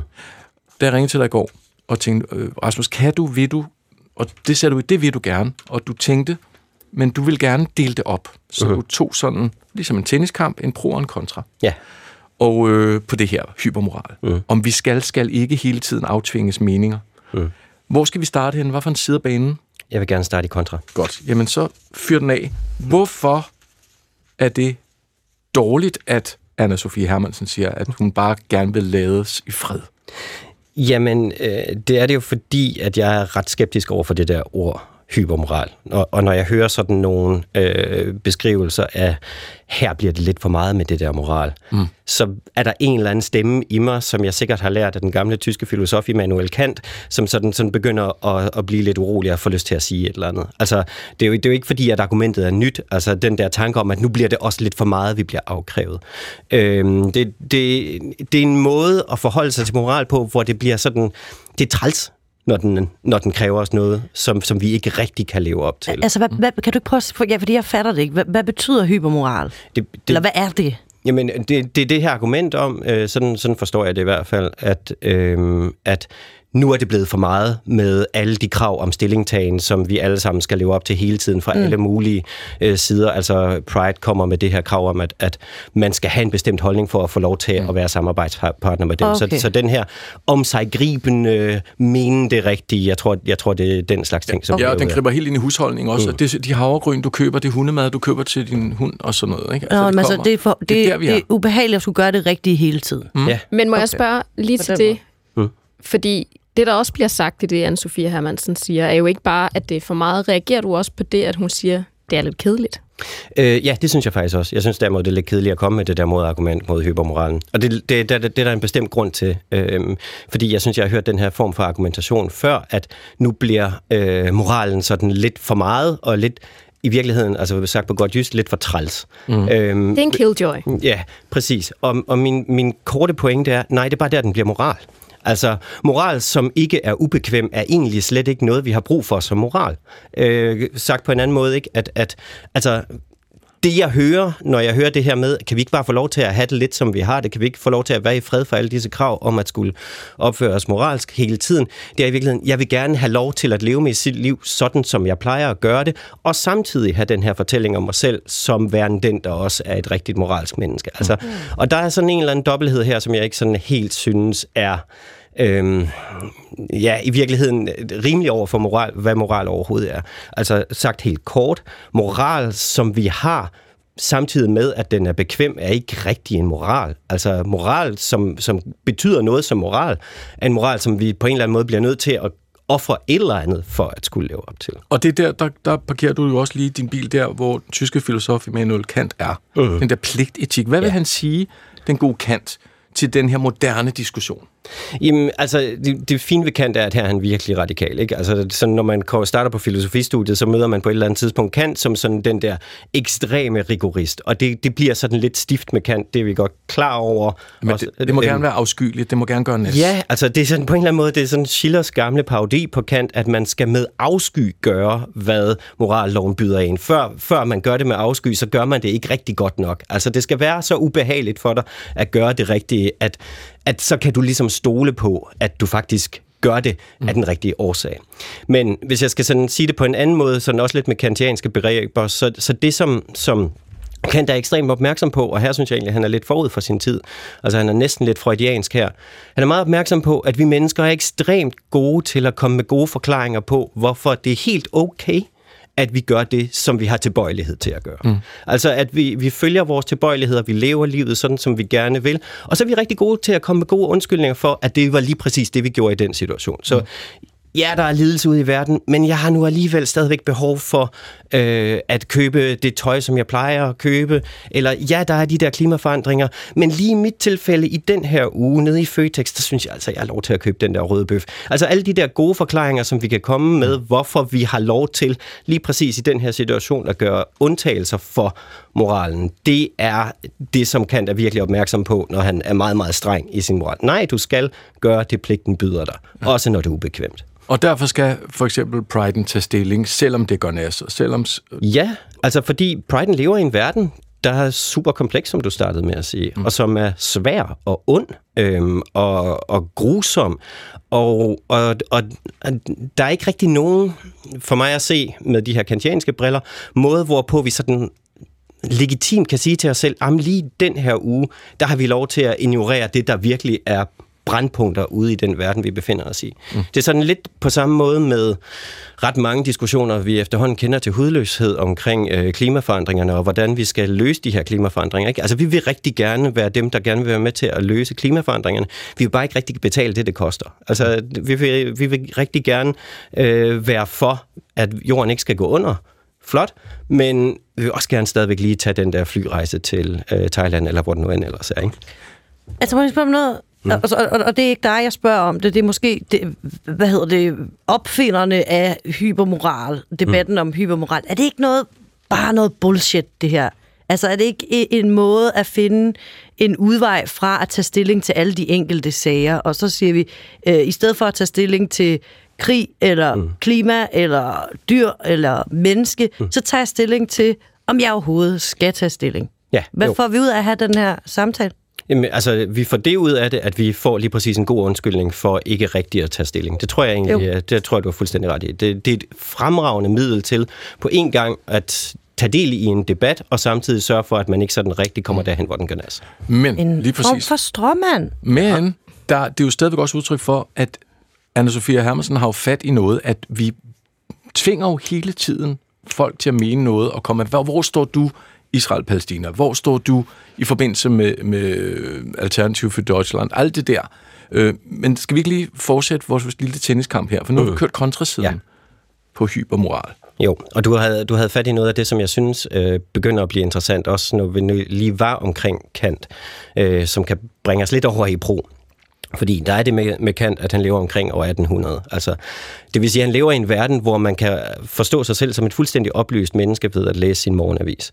Altså, der var ikke engang radio. Øhm, så Kant har været ganske tryg i sin forvidshed om, at den verden, som han ligesom kendte til, det var alt verden nok for ham at skulle forholde sig til. Mm. Det er en luksus, som vi absolut ikke kender i dag. Ikke? Altså, vores verden er hyper åben, vil jeg sige, for nu at introducere det der hyperbegreb. Og der, der, der er et eller andet, som på en måde bliver for meget for os, tror jeg, i forhold til konstant at skulle forholde os til al den lidelse, alle de problemer, mm. alle de problemstillinger, som øh, hele tiden dukker op overalt i verden. Og der, der er en, det, altså, vi lever nærmest i sådan, sådan en semipsykotisk virkelighed, hvor alting er til stede og relevant og nærværende og presserende og farligt og problematisk hele tiden. Der kan jeg godt forstå det her behov for på en eller anden måde at have en sorteringsmekanisme, som på en eller anden måde kan hjælpe os til at sige, okay, jeg kan ikke magte den psykiske energi, der skal til for at komme med et rigtig godt svar på alle de problemer, som jeg hele tiden er bevidst om. Men det er der, hvor du ligesom nu er gået over, jeg kan høre i din, i, i, pro. din er i pro pro nu. eller du prøver i pro. Jeg kan mærke, du er Han er mest med kontra, det ved han, men han er- men, ja. men der siger du ligesom, det er fordi, det bliver for komplekst, det bliver for meget. Men, men der siger du så også netop, det er ikke fordi, det bliver for kedeligt. For jeg synes jo tit, Nej. det er det argument, de der hypermoral, som Maja også er inde på, det lyder som om, at man også bare har lyst til at skrive et debatindlæg. Mm. Mangler noget at skrive om. Øhm, men, fordi det er jo tit det, de skyder også i skoen, det er, at så er du bare kedelig. Eller sådan, så, hvis du ikke kunne lide den måde, som ålen holdt fest på en gang, så, er det, så bliver du kedelig. Mm. Altså, men du siger, at det er ikke kedeligt. Det handler ikke om kedeligt. Det handler bare om, at det bliver for komplekst. Altså, jeg tror, øh, Hermansen synes, at det bliver forudsigeligt og dermed kedeligt. Jeg tænker, at det er mm. den idé, der ligger bagved. Øhm, og det, det er måske fordi, vil mit forsigtige bud være, i hvert fald, øhm, sådan, hvis vi flytter den over i den moralske, at det moralske spørgsmål er faktisk ikke særlig svært at afgøre. Altså, det moralske spørgsmål er i de fleste af de her tilfælde, øh, hvor, hvor vi hører historien om, at nu bliver det også for meget med alle de krænkelser eller bekymringer, eller moralske spørgsmål, eller hypermoral, hvad det nu kan være, der bliver taget op. Det moralske spørgsmål er rimelig klart, når det handler om, at mænd græmser på kvinder, øh, der ikke har bedt om det. Det moralske spørgsmål er også rimelig klart, når jeg ved ikke, hvor mange tusind mennesker bliver øh, bumpet ihjel i, i en konflikt, som de ikke selv har bedt om. Øh, der kan diskuteres allerede meget mm. mere, mere komplekse ting der, ikke? Men, men ret ofte er det moralske spørgsmål rimelig lige til. Men hun rammer jo så alligevel noget, for hvem gider at være kedelig? Jamen, øhm, det, det, det synes jeg faktisk godt, jeg gider at være. Altså, det er det, det, og det tror jeg egentlig er en okay ting, at, at, at have, have den kedelige observans af, at det, der er forkert, er forkert. Øhm, det er rigtig nok, det er måske ikke så skidespændende. Mm. Må jeg godt prøve at sige noget filosofisk? Ja. Øhm, og er I klar? Ja, ja, vi lytter Okay, prøv at høre her. og tager noter. Øh, alle sammen skriv det her ned. Livet er øh, for meget, livet er overvældende, og livet er kompliceret. Det tror jeg ikke, at engang er Kant, eller hvad det nu er, vil være uenig i. Mm. Men det bliver da først kompliceret at forholde sig til, at det hele er for meget, hvis man bruger al sin tid på at diskutere, om det overhovedet må være for meget. Altså, er det ikke sådan lidt spild af tid at have mødet inden stillingen? Mm-hmm. Nej. Hvem Altså- spørger du? Spørger du ud i rummet? Jeg spørger øh, på en filosofisk måde hele samfundet, om vi skal bruge vores tid på at snakke om, øh, om det er rigtigt eller forkert, at vi tager stilling til ting, og så tager stilling til det, eller om vi skal begynde at tage stilling til de ting, der er foran os. Vi har kun et minut, men Det jeg har da var ikke... filosofi fra mig. Tag stilling til at tage stilling. Ja, men, skal jeg tage stilling til, skal men vi det er tage, nu tager jeg stilling til, om vi skal tage stilling til, om vi skal tage stilling. men det er jo Helt interessant, fordi at det handler om at gøre, skal vi opføre os, det er en af dine pointer, Rasmus, opføre os anstændigt, og, eller skrive højt om, at vi gør det, og hvorfor skal vi rende rundt med en FN 17 verdensmålsnål, og alle de her ting. Jeg mener, det er det med at udstille ens moral, og sætte den til skue, og sige, at man er bedre end de andre. Det var derfor, det er interessant. Det, jeg tror, det er det, man, man jagter, når man går ind i den her stillingen om stillingen øh, diskussion, som du tager fat på. Og, og hvis jeg bare skal tilføje en, en sidste bemærkning til det der med, at, at, øh, at vores verden er hyper åben hele tiden, jamen så er det lige præcis problemet med, at vi bliver overvældet, også af moralske domme. Det må vi leve med, af min filosofi. Carpe diem. Sådan. Rasmus Ugild, tusind tak for besøget. Filosofi firmaet Must. Og vi er tilbage om tre minutter. Hej.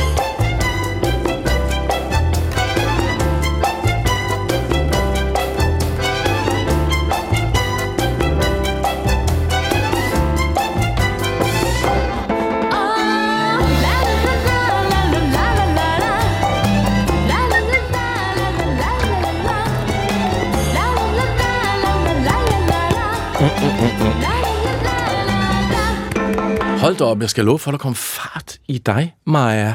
Det Altså, tændte en tiger, Er du sindssyg, mand? Altså, hvad for noget? Man kunne have givet dig coke. Det havde virket mindre end det der filosofi-jam, vi havde lige før radio. Jamen, jeg lever under den overbevisning, nu siger jeg noget filosofisk igen, at Ja. øh, Jeg skriver- jeg kommer, skriver. jeg skriver ned, at jeg kommer 1503. til at dø på et tidspunkt, og jeg gider ikke, lige når jeg dør, sidde og tænke tilbage på den samtale, jeg havde om, om jeg skulle tage stilling til, om jeg skulle tage stilling til, om jeg skulle tage stilling til. vel? Den lader vi lige ligge. Og folk, der ikke har hørt det, som tænker, det lyder spændende. Det var det også. Men så er det jo godt, det, så er podcast på DR.dk. Vil garantere i dig. Nå, her i studiet, Sanne Segal Ben Moyal og Maja Tækkerli i fuld firspring. Jeg hedder Jesper Dein, og øh, det er anden time af 4. division, som vanetro starter med de sådan lidt korte finurligheder. Og øh, skal vi... Sanne?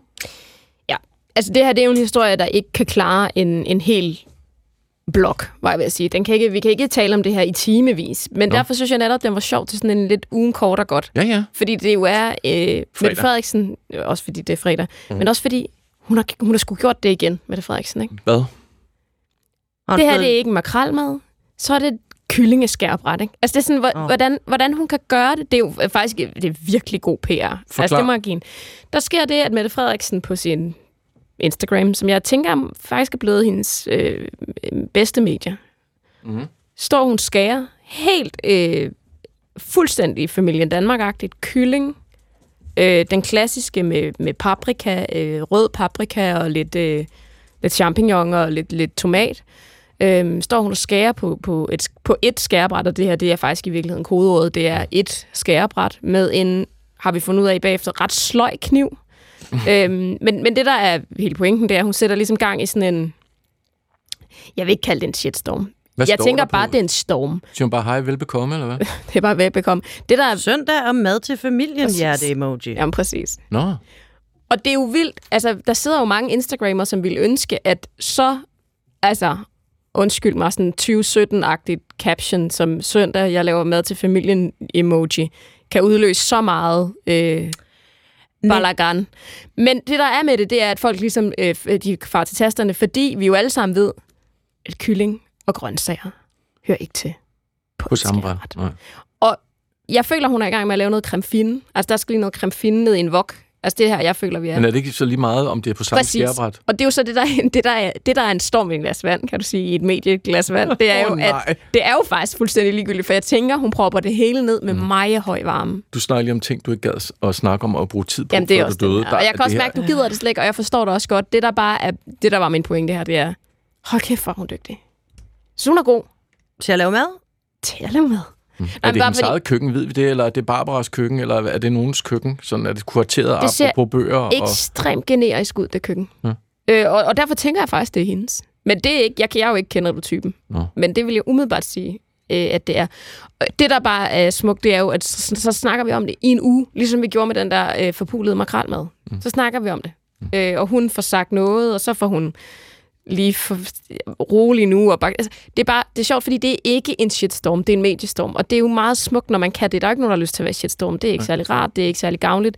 Men en lille mediestorm er hyggeligt, ikke? Så det er ligesom, at Coca-Cola laver reklame, selvom vi godt ved, at de er der. Sådan lige får vi sagt midte, midte, midte i radioen. Præcis. Nå. Jeg hedder, hvad kalder de unge det, Maja? For det føler jeg, det hedder noget cloud. Øh, ja, det kalder de unge det. Vi de unge kalder det cloud. Er det ikke man får rigtigt? meget opmærksomhed. Jo. Altså, at man ligesom genererer opmærksomhed på ens profil med noget ja. Egentlig whatever. Så hun cloud chaser med sit Hun øh, skærebræt fuld af kylling og rødløg. Wow. Ja. Men altså, er det ikke lidt ligesom, jeg ved ikke så meget, det ved I mere om, men øh, at det der med strategierne, fordi det kongehuset fik jo også nogle nye rådgivere, så gik det, øh, er du gal, mand, der blev tændt øh, adventslys, og børn, der var på vej i skole, og det hele så meget, man lægger det ud.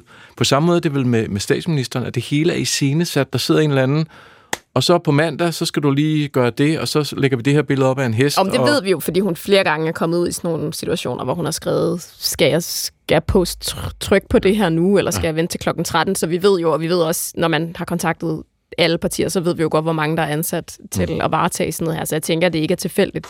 Det er bare øh, utroligt. Altså, det er ikke tilfældigt, men det er stadigvæk utroligt, hvor meget cloud det kan øh, generere. Ja, nu har du genereret, hvad, tre Jeg har givet minut? hende så meget altså, gratis lækker PR øh, i, i 4. division. Jeg vil bare sige, at øh, vi lever i et samfund, hvor at... Øh, det filosofi igen? Skal jeg skrive? ja, ja, det, at statsministeren har kylling på et rundt skærbræt med et rødløg, det har skabt altså, i hvert fald fem artikler, kan jeg se. Mm. Vi lever til gengæld også i et samfund, hvor der er en chance for, at det her er et billede, som man ved, folk vil blive øh, generet af. Det ved jeg ikke, om det er. Men der er øh, et noget, der er mistænkeligt ved det her billede. Mm. Udover at øh, det muligvis er en skør, smørkniv, hun skærer øh, rødløg med. Held og lykke med det. Det er, som flere kan jeg se, skarpe hjerner bemærker i kommentarsporet, der står to skærebræt bag hende. Ah. Hvor hun jo kunne have taget et af de skærebræt Hold your horses. og brugt dem til kylling og den anden til rødløg. Dum.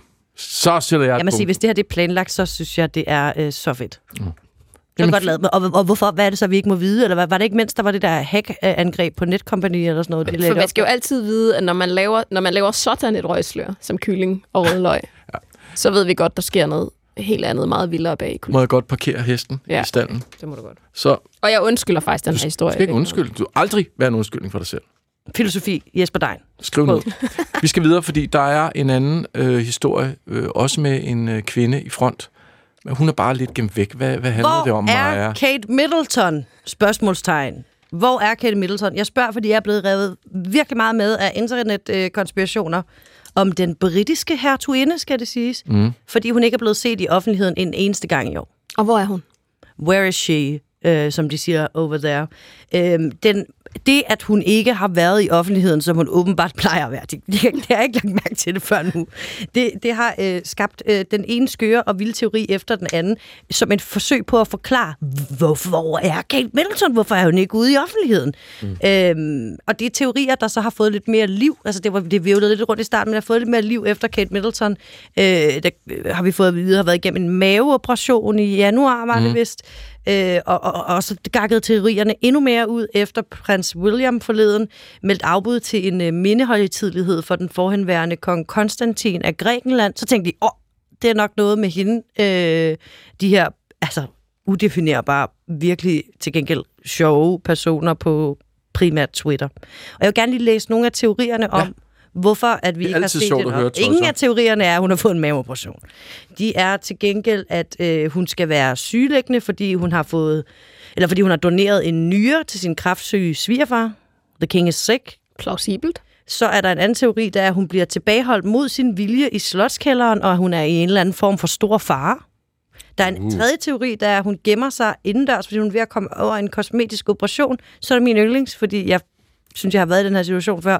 Øh, hun er ved at vokse sit pandehår ud, og hun skal igennem den der akavede fase, hvor det både er for langt og for kort på samme tid. Så er der nogen, der tror, hun har fået en hemmelig baby.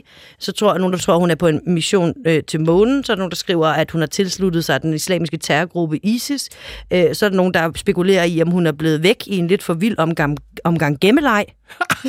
I sådan en labyrint Øh, og- og- inde på og jeg kunne blive ved. Ja. Det er virkelig fjollet. Jeg bliver nødt til at spørge jer, hvad tror I? Hvad jeg tror, Ja, hvor er hun? Ja, men hun er øh, i Adelaide Cottage på Windsor Estate. Og der ligger hun og plejer sin sår, fordi hun er blevet opereret. Man skulle tro, du var en repræsentant for kongefamilien, fordi de siger præcis det samme i Jeg dag i The Telegraph.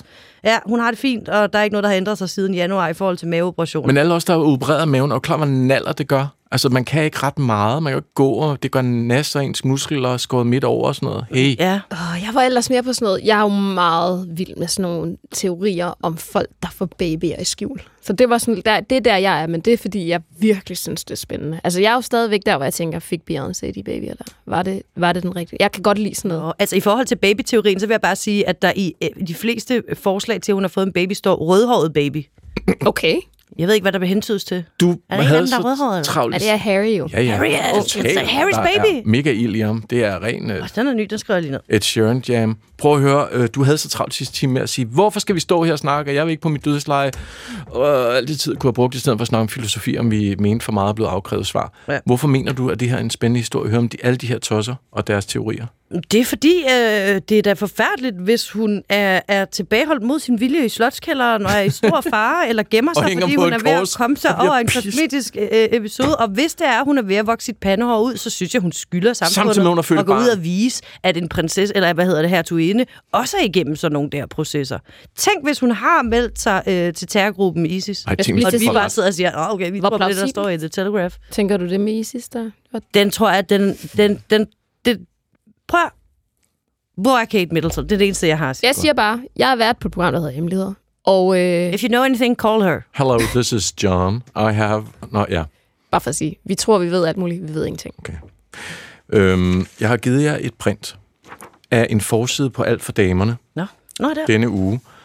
Det er et øh, lollet billede, som de unge vil sige. Vil ikke sige det? Det tror jeg Altså, det, det, det, det, jeg Prøv kan lige at beskrive det. Du kan få lov. om En, den det, er det her lyst. lollede billede. Prøv lige at beskrive det. Øhm, Helt kort. Der er utrolig mange mænd på en forside. Altså, det er alt for damernes forside for marts måned, som jo er et rummer kvindernes kampdag, det synes jeg er meget smukt. Øhm, side note. Øh, er 1, 2, 3, 4, 5, 6, 7, 8. 8 mænd. Det var godt talt, venner. 8 mænd. Kæft, mand. Øhm, jeg vil godt sige, at jeg ikke kan genkende dem alle sammen, men de fleste af dem er nogen, vi kender fra offentligheden, som nogen, der har været gået ud og talt om mænds følelser. Er det korrekt? Mm. Øh, nogen står op, nogen sidder ned, nogen sidder på andre. Alle smiler. De smiler, ser, de ser pæne ud. De er Ikke mange stylede. smiler med tænder. 1, 2, 3, 4, Men det er en 5 forside. med tænder. Den sårbare mand. Otte kendte mænd dropper facaden. Derfor er sårbarheden vores største styrke. Gattergung. Læs mere i Alt for damerne. Jeg tror, at uh, Julia Larme lige øh, nævnte, at Alt for damerne havde fokus ja. på angst og mænd og alt det her. Mænd dropper facaden. Derfor er vores sårbarhed vores største styrke osv. Kronprinsen gør det, det har I selv set. Tår i øjnene. Øh, Claus Meier har gjort det. Tobias Rahim gør det og skriver sange om det. For mænd, de græder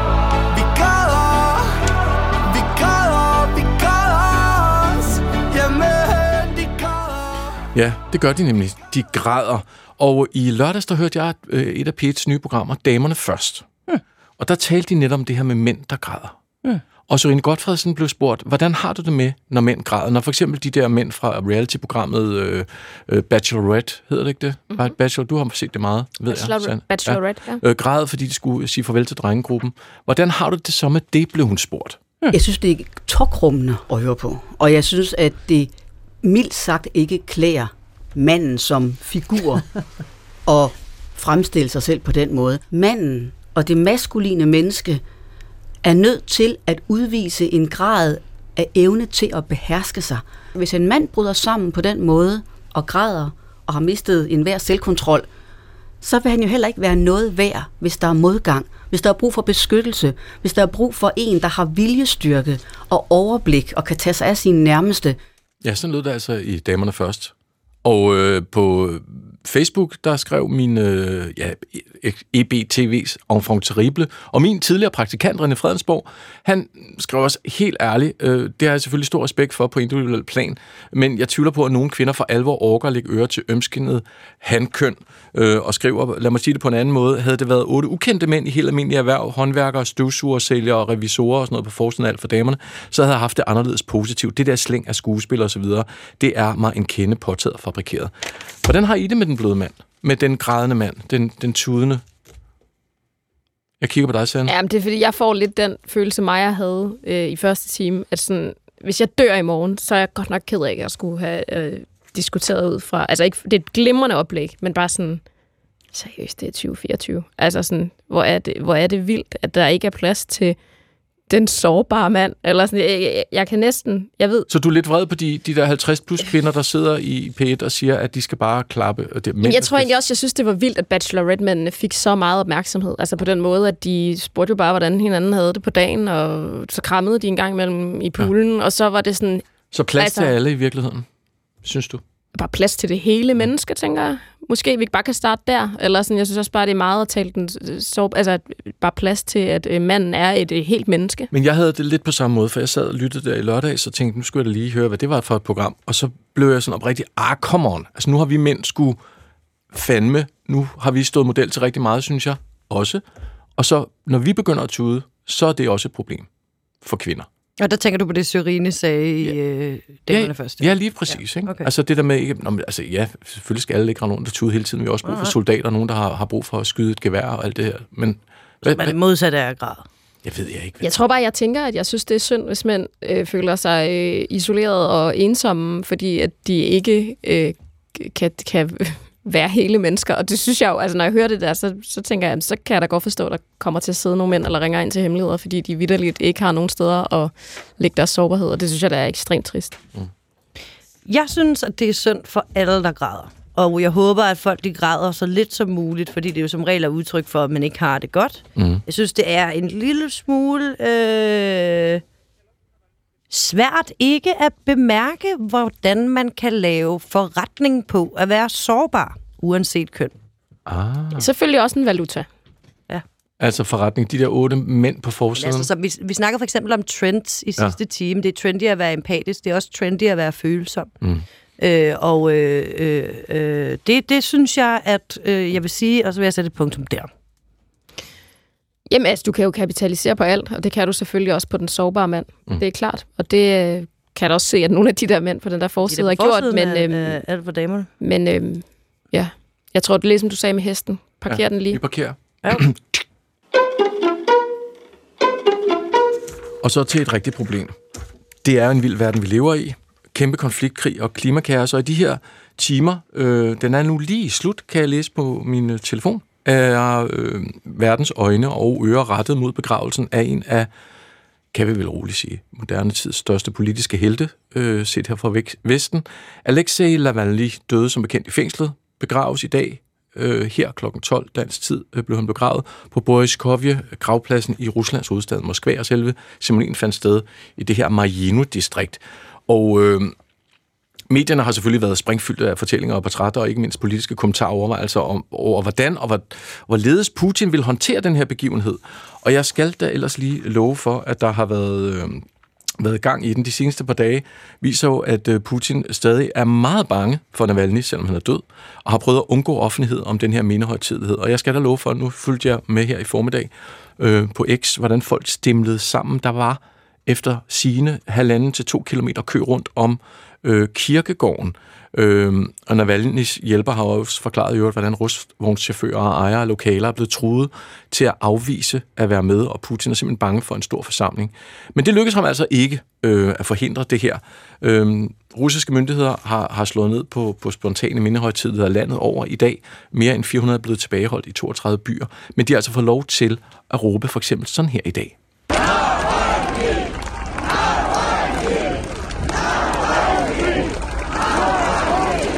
Ja, så råbte de, og så var der tusindvis af mennesker på gaden. Og de billeder, der er blevet taget oppe fra med dronen, ligner meget det billede, som jeg har taget med her i studiet, som jeg også har givet til jer. Det her billede er 34 år gammelt.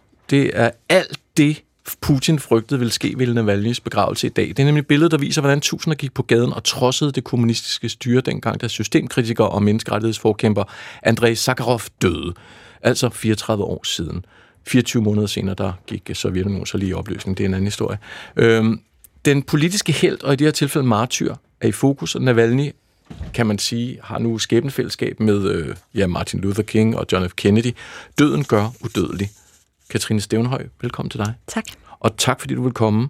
Øh, fordi vi skal tale, Katrine Stævnhøj, lige sige, du er phd stipendiat øh, med fokus på russisk eksilopposition, og har været dejlig meget radioen til at sætte ord på både Navalny og Rusland, fordi vi skal prøve og koncentrere os lidt om det her med martyret.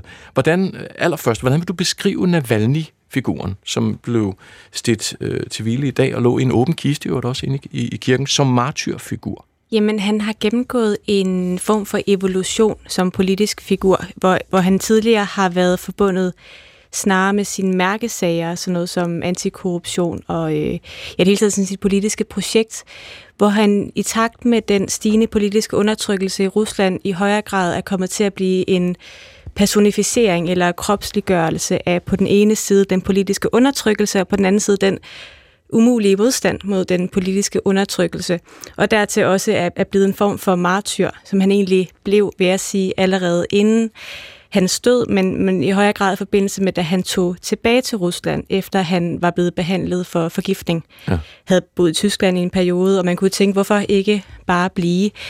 Og hvis man kigger på, på martyrens rolle, både sådan i kulturhistorien eller sådan i konceptet det hele taget, så, så har det i høj grad noget at gøre med frivillighed.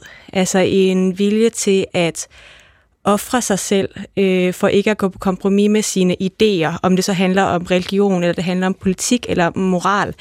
De to sidste hænger nok i høj grad sammen øh, her i forhold til mm. Navalny, altså politik og moral. Og den der frivillighed, han viste ved ikke at tige stille, øh, selvom det også er et valg, man kan tage i Rusland, mm og endda valgte at tage tilbage, selvom han godt vidste, hvad der ville ske. Det er noget af det, der har været med til at cementere hans status som, som martyr. Ja, og hans gode humør, fordi uanset øh, hvornår vi har set ham, om det så har været videoer over fra fangelejren derovre, øh, så har han smilt, øh, øh, fortalt små vidtigheder osv.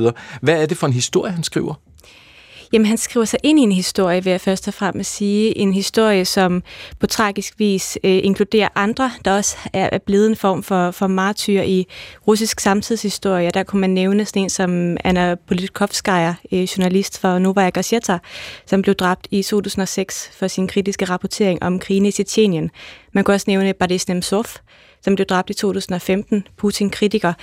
Øhm, og de er begge to blevet sådan en del af den moderne russiske kulturhistorie om dissidenter. Altså når vi taler om dissidenter, tænker vi jo primært på sovjettiden, mm. men nogle af de her sådan store skikkelser, der har der er gået på kompromis med deres eget liv og sikkerhed øh, for deres værdier, de, de, det er den her historie, det er den historie, Navalny skriver sig ind i. Og mod Rusland, hvad, hvad rolle spiller eller har martyren i den russiske selvforståelse? Man kan sige, martyriet og måske i det hele taget sådan selvopoffrelse og lidelse er en, en stor del af russisk kulturhistorie og russisk man sige, selvopfattelse. Øhm, og det hænger både sammen med den ortodoxe tro, hvor lidelsen også indgår som et centralt øh, koncept, og det vil jeg lige afholde mig fra at gå for meget ind i, da jeg ikke er religionshistoriker, Nej. men i højere grad fokusere på den russiske samtidshistorie, som øh, indeholder en, en høj grad af lidelse. Hvis vi bare kigger på, på det 20. århundrede, og så gennemgår Rusland to verdenskrige, to revolutioner, herunder øh, også den borgerkrig, der følger øh, øh, revolutionen i 1917. Øh, øh, de gennemgår også blokaden af Leningrad, alle de her store traumatiske politiske begivenheder, som altså producerer et behov for selvopoffrelse, ikke bare for enkelte personer, men som sådan Ruslands folk, som, som kollektiv. Så der er altså sådan en form for selvopoffrelse for statens skyld. Øhm, og det er en del af den russiske selvopfattelse, at man er folk, der rejser sig fra asken som, som fugl Phoenix, hver gang samfundet gennemgår de her store traumatiske begivenheder. Mm. Døden gør udødelig, kan vi vel roligt sige. Også i det her tilfælde. Nej, Maja, kom lige ind. Øh, øh, øh, nej, jeg, jeg, jamen, nej. altså, jeg vil egentlig bare spørge, øh, hvis det er øhm, martyriet er noget, der er øh, til stede i russisk kultur, ligesom det er i, i øh, det største del af den globale samfundskultur. Øhm, kan, kan du så sige noget om, om der ikke har været en risiko for, for Putin at gøre Navalny til en martyr? Altså, hvor, ved vi noget om, det kan selvfølgelig ikke, hvad han har gået og tænkt, men altså, har der været nogle indikationer på, at man har været bekendt med den risiko, som det jo så er for dem? Altså først og fremmest kan man se på, at han aldrig har omtalt Navalny ved navn. Øhm, han har altid omtalt ham som bloggeren eller patienten, eller okay. en eller anden sådan lidt ligegyldig rolle, for ikke mm. at give ham den politiske person øh, rolle i, i russisk politik. Okay. Og netop måske i forlængelse af det, er han ikke næsten farligere som død, altså som martyr? Altså hvis når jeg kigger på de protester, der sker i dag, så bliver jeg, jeg bliver overrasket over, hvor mange der går på gaden og trodser øh, den risiko, der er den altså vold, der er forbundet med at gå på gaden i Rusland mm. i dag. Så jo, altså det vil jeg sige, fordi at det har alligevel været et på en eller anden måde sådan moralsk lavpunkt for, for regimets side, at Navalny er død. Og det giver en form for det, man taler om i protestforskning, moralske chok, mm. øh, hvor folk simpelthen altså, trodser alt andet. Altså mm. negative følelser som frygt, øh, for eksempel, og går på gaden i, i rent ja, af moralske årsager. Mm. Og vel også, fordi man går fra at være en figur til at være et symbol. Mm. Ja, og det bliver på en eller anden måde, altså jeg er nemlig udødeligt efter hans død. Og det interessante er, at i morges øh, kunne man se, øh, på, på, på X kunne man se videoer af sikkerhedsstyrker, der øh, marcherede ind omkring kirken, øh, og man, man, man havde fornemmelsen af, at nu var der optrap, øh, optrapning til noget virkelig voldeligt, og alligevel så har der været den her halvanden kilometer lange kø, Øhm, og han har ligget i åben kiste. Der er kommet billeder ud fra kirken, selvom BBC har rapporteret om, at de har prøvet russerne at scramble signalet, sådan så at de her, der var utrolig mange øh, telefoner, der sendte direkte øh, ud i, til Vesten for den her begivenhed. Hvad sker der herfra, tror du? Jeg ved, nu gætter vi, det ved jeg godt. Men hvad tror du, der sker herfra? Uh, det synes jeg er vanskeligt at sige, men jeg synes, når jeg kigger på de protester, vi ser i dag, og måske også i særlig grad, fordi de hænger sammen med den her kirkelige begravelse, altså noget meget, meget russisk, øh, som ikke har noget med den russiske federation som staten at gøre, men som folket, som nationen. Det vidner om, at der er en stor del af det russiske folk, som ikke er imod Rusland, men er imod det nuværende regime. Og selvom at det er selvfølgelig stadigvæk et fortal af den russiske befolkning i det hele taget, der går på gaden, så viser de jo stadigvæk resten, at der er nogen, der er imod den krig, der foregår, og er imod den behandling af politiske fanger. Så jeg tror, der vil være en, øh, det vil give noget liv øh, til kommende protester. Mm. Er der en forskel på, hvordan, øh, hvad hedder det, i, i, i russisk kultur, måske i vestlig kultur, hvordan man dyrker martyren? Øh, fordi jeg forestiller mig, at vi prøver lidt at adoptere nu øh, det, vi ser, de billeder, vi ser, og, og på en forstår du, hvad jeg mener? Ja, altså, ja. Hvad, hvad er den store forskel? Er der en forskel? Jamen, der er faktisk en helt sådan, central del af den russiske kultur, også den moderne øh, russiske kultur i forhold til martyr. Øhm, og det er egentlig interessant nok, for meget det kommer fra regimets side. Efter øh, Sovjetunionens sammenbrud, der valgte man at øh, lave en, en kæmpestor gruppe af nye martyrer, og det gjorde man altså fra den ortodoxe kirkes side, men også fra, fra statens side. Og der mindes man blandt andet den sidste zarfamilie, som blev slået ihjel efter oktoberrevolutionen i 1917, og en del af de øh, religiøse personer, som blev slået ihjel under socialismen. Så den her, den her martyrdyrkelse, det er faktisk noget, man bruger enormt meget fra den ortodoxe kirke og staten, som godt nok er sekulær, men det hænger ret meget sammen i Rusland alligevel. Så det er egentlig, det er egentlig interessant at se den her altså sekulære martyrdyrkelse, som vi så ser om Navalny, for det er selvfølgelig ikke fra staten eller den ortodoxe kirkes side, det er i højere grad fra folket, men de bruger den samme form for øh, ikonisering øh, mm. eller kanonisering af, af ham som figur. Jeg har også set, jeg, jeg googlede lige Navalny martyr, ja. og der kom nemlig sådan nogle billeder, hvor folk havde redigeret ham ind i sådan nogle klassiske russiske ikoner, hvor han nærmest lignede sådan en altså helgen. Med halo og det hele. Og jeg kan også øh, sige dig, at rundt omkring i Vesten øh, fanger jeg lige også i Rom, er der nogen, der simpelthen har, har døbt en gade om til Via Navalny. Øh, så det ruller over hele Vesten det her. Tak fordi du kom. Det var slet. Katrine Stævnhøj, Ph.D. stipendiat med fokus på russisk eksilopposition, og altså grunden til, at vi havde besøg af Katrine, var selvfølgelig, at øh, Alexander Navalny i dag er blevet begravet kl. 12 dansk tid. Maja Tjekkeli sidder her i studiet. Ja. Det gør Sanne Ben Moyal også. Sigal Ben Moyal. Og jeg hedder Jesper Dein, og nu skal vi til den næste historie. Det er din, Sanne. Det er det. Og du har fået besøg af en, øh, en, en kendt figur fra tv. Jeg hedder Gurli Gris. Her er min lillebror Gustav. Og det her er mor Gris. Og her har vi far Gris. Gurli Gris. Ja, altså den her lille gris, skurle gris, øh, og hele familien, som ligner, må jeg bare sige, en blanding af en hårdtør og en penis. Øh, og det bliver faktisk ofte diskuteret. En hårdtør og en mig. penis. Det ligner lidt en blanding af det. Nå. Øh, har øh, nu vagt øh, stor forarvelse. Øh, der er mange forældre, der er rasende over den måde, øh, de karaktertræk, og den måde Gurli taler på, og den måde, hun i det hele taget behandler sine omgivelser på. Og, øh, og sådan bølger det jo lidt frem og tilbage. Det, nu er det Gurli Gris, så har det været Onkel Reje. Øh, Børnetv er tit og ofte kritiseret. Og øh, så derfor tænker jeg, at det var en virkelig god mulighed for at tale om øh, forarvelse over børnetv, men også hvad, hvad har vi set på, og hvad kommer vi til at se på øh, i fremtiden. Og øh, derfor har jeg inviteret simpelthen Signe Lindqvist.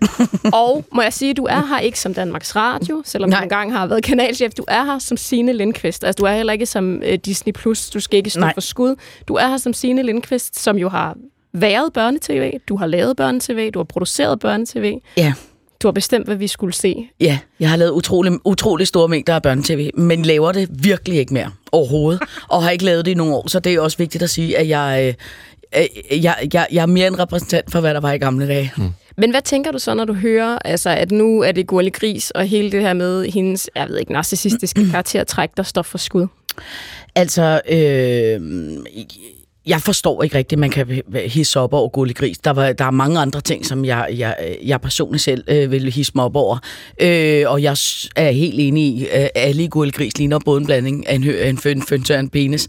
Og det gør det heller ikke bedre. Hun hedder, øh, det hedder Papa Pig. På, Pig, øh, på, på, på. Altså, øh, men jeg vil sige, Gu- Gurli Gris, synes jeg, er et er, er, er glimrende børnefjernsyn. Øh, øh, og jeg synes faktisk, hun er øh, rigtig god, og jeg har selv set utrolige mængder af Gurli Gris. Og inden jeg tænker, vi ligesom går tilbage til det, vi mm. engang så, så tænker jeg, at øh, netop det, som Gurli Gris også er blevet udskældt for, og, og andre øh, af de her sådan nyere øh, teg- eller tegnefilm, det må det vel være, en form for tegnefilm, vi, vi sidder og ser, så synes jeg lige, vi skal høre øh, noget fra endnu et udskældt øh, program, som hedder Paw Patrol.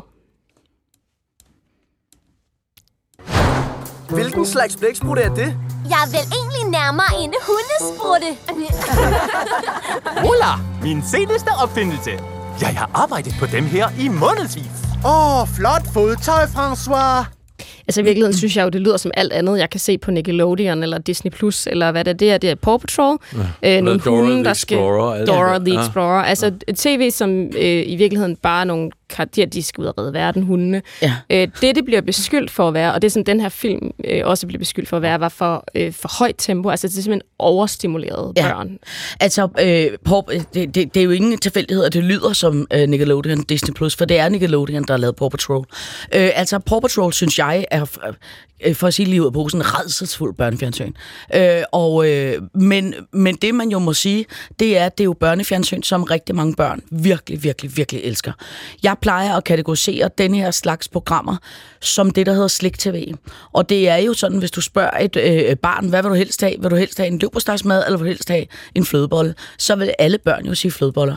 Øh, øh, men, ja, men det, der jo er, synes jeg, udfordring, det er, at når man får for meget af det her, så bliver man jo øh, opkørt. Og man kan jo bare høre den måde, de taler på stemmerne på. Altså, det er jo også... Altså, jeg bliver sindssyg af det. Øh, øh, øh, og, og, og det er jo noget af det, som jeg i hvert fald altid synes, at vi i Danmark har været sindssygt gode til. Det er at lave børnefjernsyn, som forældrene også gider være i stue med. Øh, og, og det er i hvert fald, dengang vi startede Ramachan, der var det rigtig meget... Øh, det, det, det var med det for øje, at Ramachan skulle være så behageligt børnefjernsyn, at, at, at forældrene også kunne holde ud og høre på det. Samtidig med selvfølgelig vigtigst af alt, at børnene gider se det. Ja, fordi det, vi taler om nu, når kalder det slik tv, det er det høje tempo, det er ja. stemmerne, det er også i den måde, det er, nu siger jeg jump cut, men altså, det, det er klippet meget hurtigt, ja. ikke? Ja. Så det er sådan en, det føles som øh, hurtige kalorier. Tænker, jeg, der var jo en gang, hvor der var monopol, mm, mm. og, øh, og så, øh, så har vi ligesom fået fragmenteret hele det her mediebillede, og nu mm. har vi alle de her kanaler, hvis man har råd, hvad jeg vil sige, fordi de er virkelig dyre. Øhm, men jeg tænker, nu har vi lige hørt sådan nogle helt høje tempo øh, programmer. Skal vi lige prøve at høre noget, som vi alle sammen kender fra monopolets gamle dage? Nu skal jeg. Ja. Nam, nam, nam, nam.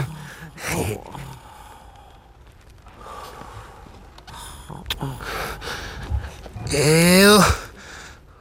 Blomster. Det, Altså, det var bare for... Altså, kontrasten er ret mærkbar. det er meditation, det her. Hun Ja, det er det. Og, og, og, og du kan jo også se, hvis du tager for eksempel sådan noget som Bamses julerejse, som jo er en vidunderlig julekalender, der går Bamse jo, øh, han er på vej fra afsnit 1 til afsnit 23, og der sker stort set ikke andet, end han er på vej og på vej og på vej. Ikke? Og så heldigvis i, i nummer 24 møder han julemanden.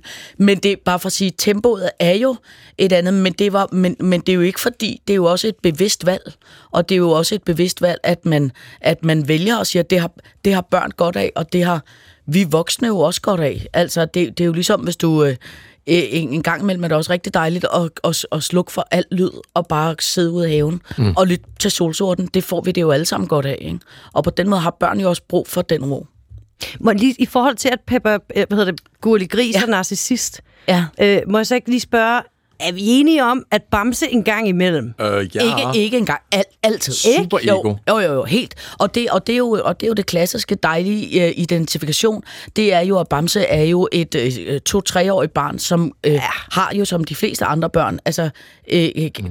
kun uh, koncentreret omkring sig selv. Ja. Han er også en lorte dårlig ven. Ja. Nej, fordi altså, jeg vil sige, det- og jeg er sikker på, at det er på samme måde med Gurli Gris. Nu har jeg ikke lige set det, men det må jeg gøre bagefter.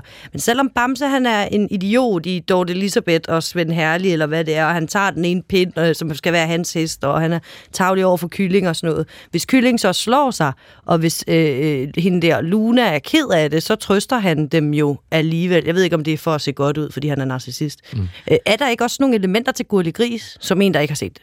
Jo, jo, jo, jo. Men Gulli Gris er jo også, selvom hun er jo et, et lille besværligt barn, som jo de små børn, de, alle børn jo er, Ja. så er hun jo også en, en, en, en, en sød kammerat, og sød ved sin lillebror, og sød ved sin far og sin mor. Ikke? Okay. Øh, og man kan sige, det, det, det der jo også er med, med sådan noget som Gulli Gris og Bamse, det er jo også, at det er jo, det er jo lavet i et, i, et, i et rigtigt børneunivers, hvor man kan sige, sådan noget som Paw Patrol, der er det jo tit og ofte er det jo nærmest en kriminalgåde, de øh, stakkels hunde skal løse. Ikke? Mm. Så det er jo ikke noget, der nødvendigvis er, er, er udgangspunkt i, et, i, et børne, i en børneverden.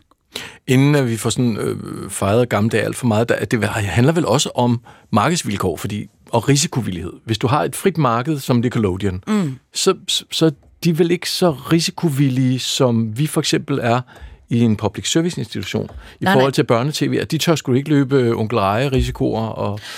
Nej, nej, og, det, og, og de er jo, øh, der er Danmarks Radio jo dejlig, fordi de er ikke sat i verden for at tjene penge. Så på den måde at, øh, kan man jo noget på Danmarks Radio, som man ikke kan alle de andre steder, for de tjener jo primært penge.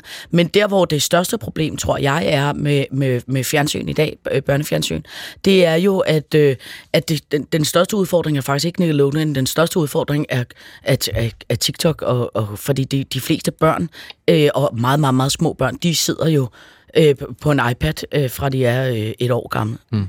Men og... ikke på TikTok, jo vel? Altså, Øh. der er, de har jo ikke TikTok-accounts, medmindre de Har du ikke set de der spædbørn nærmest? Der, Ja. okay, spædbørn. Meget små børn, der ligger i søvne og scroller på, en, TikTok? på en iPad. Ja, eller YouTube. Eller Ja, ja, whatever. Præcis, og netop med, måske med YouTube en mente, så, øh, fordi du jo ikke har lavet tv et stykke tid, øh, så spurgte vi faktisk øh, Ramachans Oda omvendt, hun hedder øh, Coco øh, Jardemal, øh, om, øh, om det her spørgsmål, jeg lige synes, vi skal høre i forlængelse af det med YouTube. Det, jeg tror ikke, jeg har noget valg. Altså, så jo, det er vel lige meget hvad, så, så er man vel et alternativ til YouTube. og jo, man føler nok, der er lidt øh, konkurrence, fordi man kan godt se, at der er rigtig mange børn, der, der tyrer til YouTube og synes, det er fedt, at der er mega højt tempo der, og at øh, der bare er så mange ting at vælge imellem. Den øh, Oda omvendt serie, vi har lavet, der er tempoet ret langsomt, vil jeg sige. Og det er noget, som øh, jeg virkelig godt kan lide faktisk øh, langsomt tv, at man får lov til at se skuespilleren trække vejret og tænke, før de tager det næste skridt. Ja, altså det var på spørgsmålet, om hun ligesom oplever, at, at hun skal være et alternativ til Mm, YouTube, ikke? Mm. som var det, vi også lige talte mm. om. At, at, og det, må hun, det, det, det kender hun jo bare, jamen, ja, sådan er markedsvilkårene faktisk. Altså, jeg kan jo ikke... Det er lidt svært at sidde i den her uge og ikke tale om øh, den der MGP-ting, og det er ikke fordi, vi skal tale hverken for eller imod onkel Reje, men jeg tænker, øh, lad os lige øh, høre, hvordan det lød til MGP i, øh, i weekenden, børne-MGP. Jeg har taget et weekendkursus i Polen, så nu kan jeg både operere mennesker og dyr. Jonas, jeg synes faktisk, du ser, du ser lidt bleg ud. Stik lige tungen ud. ja, den er helt gal, Jonas. Jeg bliver så nødt til at fjerne den midterste del af dig. Den midterste? Ja, det er røven, den er gal med. Du skal lige tage bukserne af. Af med bukserne, Jonas. Så. Ja, også under bukserne. Hvorfor det? Jamen, ellers går de i stykker, når jeg skal skære dig over. Der er rigtig mange, der har været enormt vrede over det her. Altså Der er også fart på. øh, hele onkel Reje-figuren, og mm. det, at nu så skal jeg tage underbukserne. Jeg sådan, altså, der har været enormt meget vrede også over det her. Han har været i en shitstorm før. Mm. Jeg vil kalde det her for en lille bitte shitstorm. Øhm, det er ikke så meget det, jeg tænker på, men jeg tænker, du har jo været kanalchef altså på, på Ramachan. Du har været med til at bygge hele Ramachan-universet op.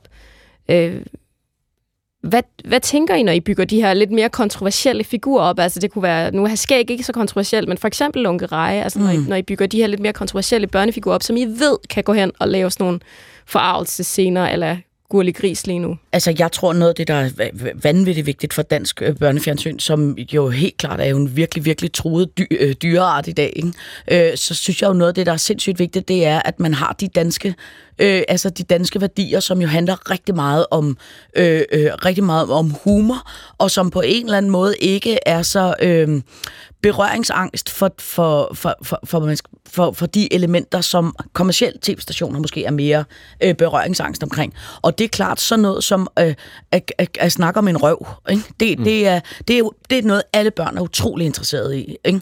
Øh, og, det, og det er også noget det, der er rigtig, rigtig, rigtig skægt. Og det er altid skægt, når man røven slår en brud, eller du ved, altså det, det er jo noget, børn godt kan lide, og, og det er bare skægt, men det er jo sådan noget, du tit ikke ser på de kommercielle tv-stationer, fordi det er lige præcis noget, der farver rigtig meget. Mm. Og der tror jeg, det er vanvittigt vigtigt, at man, øh, øh, særligt i dag, og det var da også noget, vi har øh, gjort, dengang vi startede Ramachan, at man hele tiden tænker på, hvad er det, vi kan, som er vores, øh, øh, som er alternativ til alt det andet. Mm. Og så tror jeg, det er vanvittigt vigtigt, at man, at man øh, at man, at man også har nogle karakterer, som, som, som hvad skal man sige, øh, tør være skøre og fjollet. Ikke? Og onkel Reje, er, altså, onkel Reje er, er, jo, er jo blevet onkel Reje, fordi Mads, der, der er onkel Reje, er, er kæmpe gakkelaks vidunderlig mm. øh, øh, type. Ikke?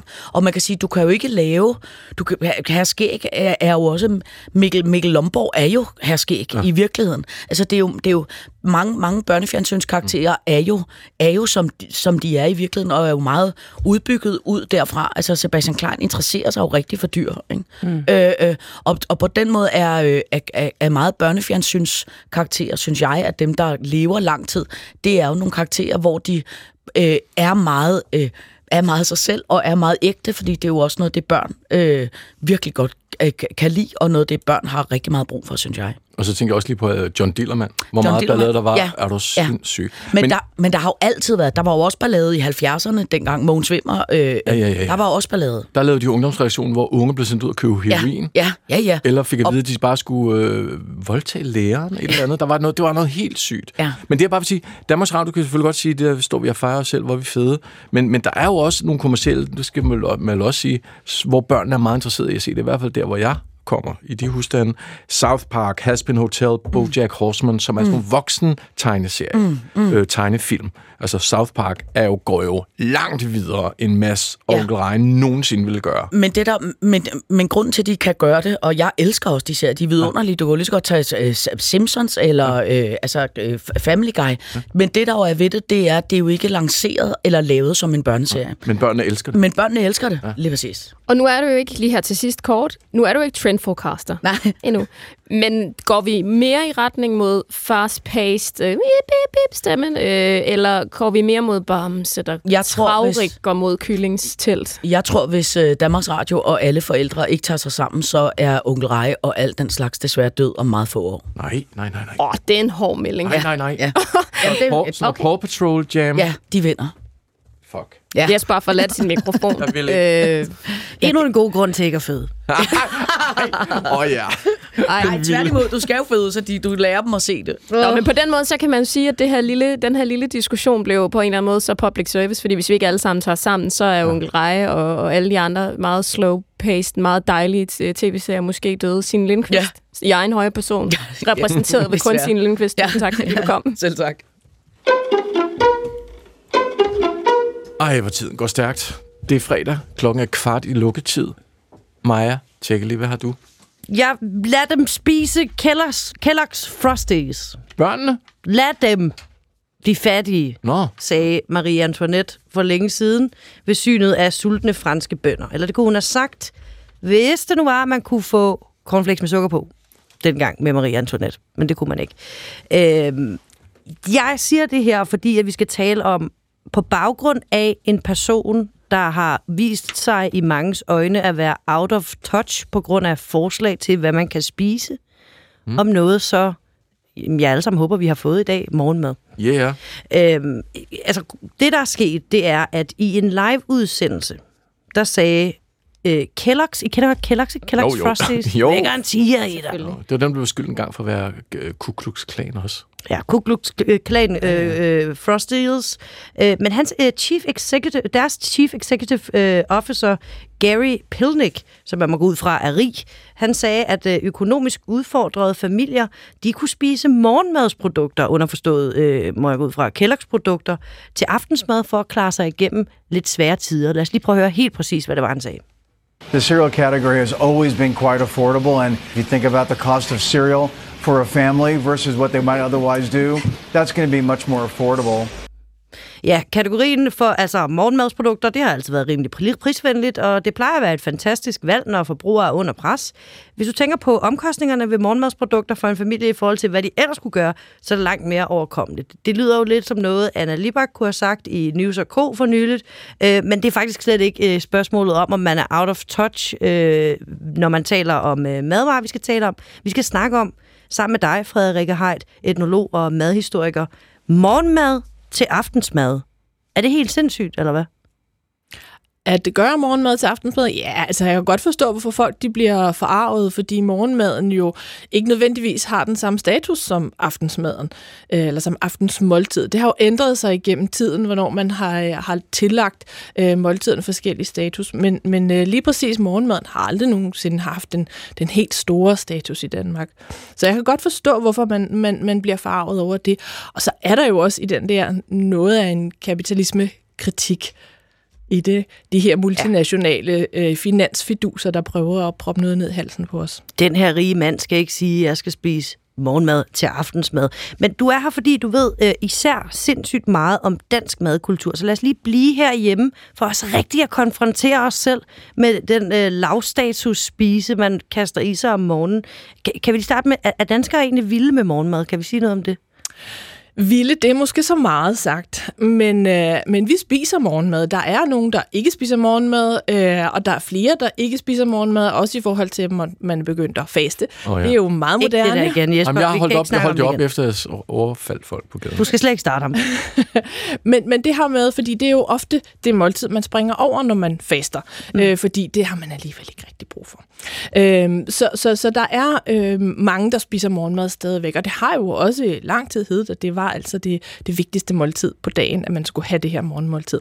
Men ellers er det, der er særligt ved danskernes morgenmad, det er, at det er øh, hurtigt, Det er nemt. Det er noget, man spiser alene. Det er noget, man meget ofte har... Øh, måske spiser man... Øh, ved, ved, man er hjemme på samme tid, men man spiser ikke nødvendigvis øh, måltid på, på samme tid sammen. Og ej heller, man spiser ikke det samme. Det er meget individuelt, hvad man spiser der om morgenen. Og så har man meget ofte en eller anden form for underholdning med når man ikke sidder der sammen med nogle andre. Så kan man sidde med sin telefon, eller man kan, i gamle dage var det jo meget aviser. Mm. Øh, Mhm. nu er det telefon med den, de her nyhedsmedierne, der kommer ind også om morgenen.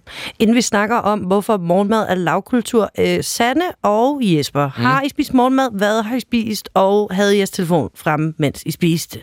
Nej. Jeg kan havde- hurtigt sige. Nej til alt. Jeg er spiser noget aldrig morgenmad. Jeg har spist. Ja, men det er fordi, det kan vi slet ikke komme ind på. Nå, det kan vi da godt komme ind på. Men jeg er en hest jo. Altså, og det har været lige siden jeg var barn. Altså, der, der er vokset op med havregrød med smørklat og sukker. Så det spiser du hver morgen? Familien er fra Lolland. Det er et godt og sundt måltid, og det har faktisk fungeret. Jeg gør, nej, det gør jeg ikke. Det er, jeg er doven. Og jeg dropper sukkeret, havregryn med mælk, og så hører jeg stille og rolig musik. Og du spiser slet ikke morgenmad? Jeg har ikke spist morgenmad i 100 år, også før det blev virkelig trendy. Jeg synes, morgenmad vokser i munden. Jeg synes, det smager dårligt. Øh, især sådan noget dårligt? cereal, havregryn, der bliver brrr, kæmpestort med noget brrr, komælk på. Jeg kan slet ikke have det. Og øh, så hører jeg øh, altid børnemusik. Paw Patrol. Fordi, Det- han, fordi barnet gerne vil høre. Præcis. Okay, For at få mest mulig ro. Så, så vi har en, en Jesper, der siger, at jeg er en hest, jeg skal have morgenmad. Og så er der Sanne, der du taler lidt ind i det der med, at morgenmad egentlig har lav status, som du sagde tidligere. Kan du ikke prøve at, at uddybe det en smule, altså i forhold til aftensmad? Hvorfor har morgenmad så lav status, og hvad betyder det? Men det hænger jo lidt sammen med alle de der ting, som vi tillægger morgenmaden. Det skal gå hurtigt, det skal være velsmagende, det skal være nærende, det skal være afvekslende, det bliver det individuelle måltid. Mm. Øh, og det er jo i virkeligheden sådan meget i modsætning til det, vi har til aftensmåltid. Mm. Aftensmaden, der er det nogle, øh, noget med, at vi skal have noget forskelligt, og det skal være øh, meget nærende, men det skal også være sådan en, en oplevelse at spise. Vi vil gerne sådan have noget afvekslende. Hvis vi fik det samme til aftensmad, som vi gør til morgenmad hver eneste dag, så vil man blive træt af det, og slet ikke synes, det var acceptabelt. Men altså, lige til morgenmad, der kan man godt spise den samme havregryn hver eneste dag. Hvor frokost i alt det her? Øh, frokost er sådan en, en, en, en mellemting, fordi den har også ændret sig rigtig meget.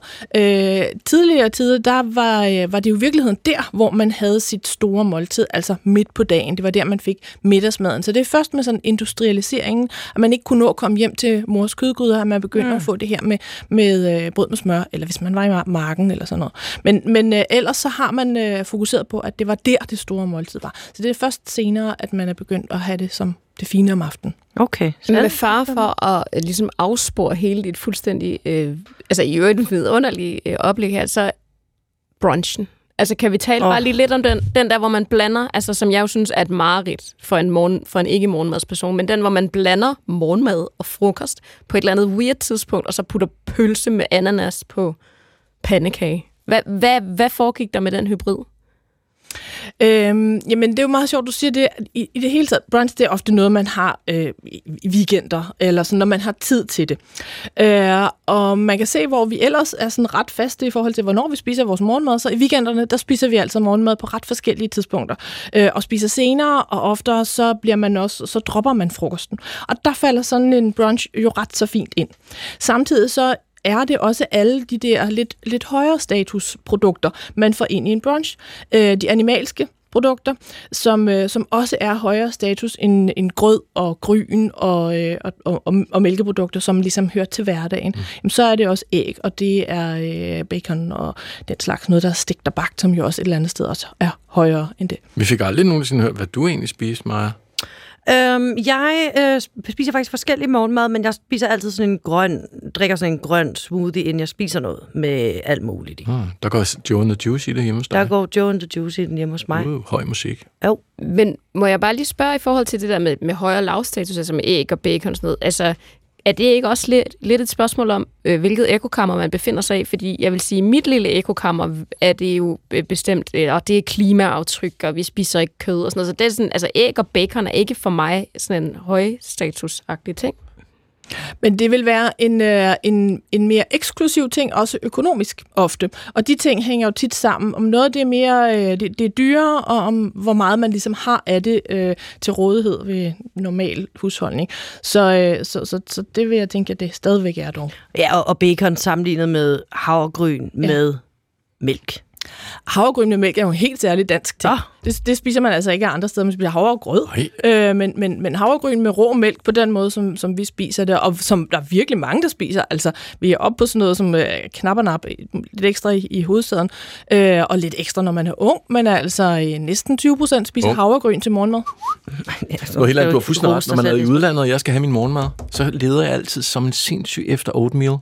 Det er bare sådan helt over i hjørnet i, i små pakker med 250 gram, sådan noget meget, meget eksotisk og pisdyrt. Til gengæld kan man altid få cornflakes eller sådan noget, ja, ja, ja. som der faktisk ikke er særlig mange danskere, der spiser. Øh, der er vi helt nede på en øh, under 5 procent, som har det som hverdagsmad. Øh, okay. Så det er jo med til også, at man måske, hvis, man, hvis den der dialog har været i Danmark øh, med Kellogg's, så man synes, okay, det er noget helt skørt noget at mene, man skal have til aftensmad, når der er så meget andet, man kan vælge. Ja, det er nærmest skørt at skulle have det til morgenmad. Hvis jeg lige må samle os igen, så øh, altså, vi, vi må forstå, at morgenmaden til aftensmad kan være et sindssygt forslag, fordi morgenmad har lavere status end aftensmad, fordi der ikke er de lækre råvarer. Øh, det er noget, vi sådan set ikke rigtig har tid til. Øh, der er måske også en sammenhæng imellem råvarer og status. Øh, frokost ligger lidt over morgenmad. Aftensmad er toppen. Ikke? Er det ikke rigtigt forstået? Jo, jo, det er der, man lægger flest ting. Men det er jo også, fordi vi ser maden øh, som et samlingspunkt, og det er ofte om aftenen, man prioriterer at være sammen. Man kunne godt vælge at prioritere at være sammen om morgenen, og så øh, tage senere sted på arbejde. Men det er altså ofte ved aftensmaden, at man prioriterer at være sammen, og det er der, det er lettest for familier simpelthen at få til at hænge sammen. Man skal ofte møde på et eller andet tidspunkt. Øh, så, så det er aftensmåltiden, og der, er, der, der ligger alle de her ekstra ting, der kommer ind over, når man sådan har fri om aftenen, og det er derfor, det også bliver prioriteret på den måde. Ja. Hele den der udvikling, vi lige talte om i morges også, øh, folk faster. Jeg har så holdt op. Folk faster bare derudad. Der er med mange, der faster derude. Så det betyder farvel til morgenmaden. Er, er det bare en ting? Går det over igen, tror du? Hvad siger din erfaring der? ja, det gør det. Okay. Ligesom det gjorde for dig, Jesper. Jo, jo. Det var en kort periode. 14 dage. Ja. ja. Det var nok Det er ikke gået over for mig jo. For, for, for to år siden, der skulle vi alle sammen øh, drikke mælk med et øh, ordentligt skifuld smør i. Altså, øh, Nå, ja. tingene, de ændrer sig, og, øh, og sådan nogle mad, mad, madidealer, de ændrer sig. Og lidt længere, så var det keto, ikke? Altså, så var det stenalder. Altså, at, ja, der vil jo altid være tendenser. Men det er jo meget tydeligt, at det er om morgenen, man også putter de der tendenser ind, fordi man vælger det her individuelle i sit morgenmåltid. Det er der, man kan, fordi man sidder alene.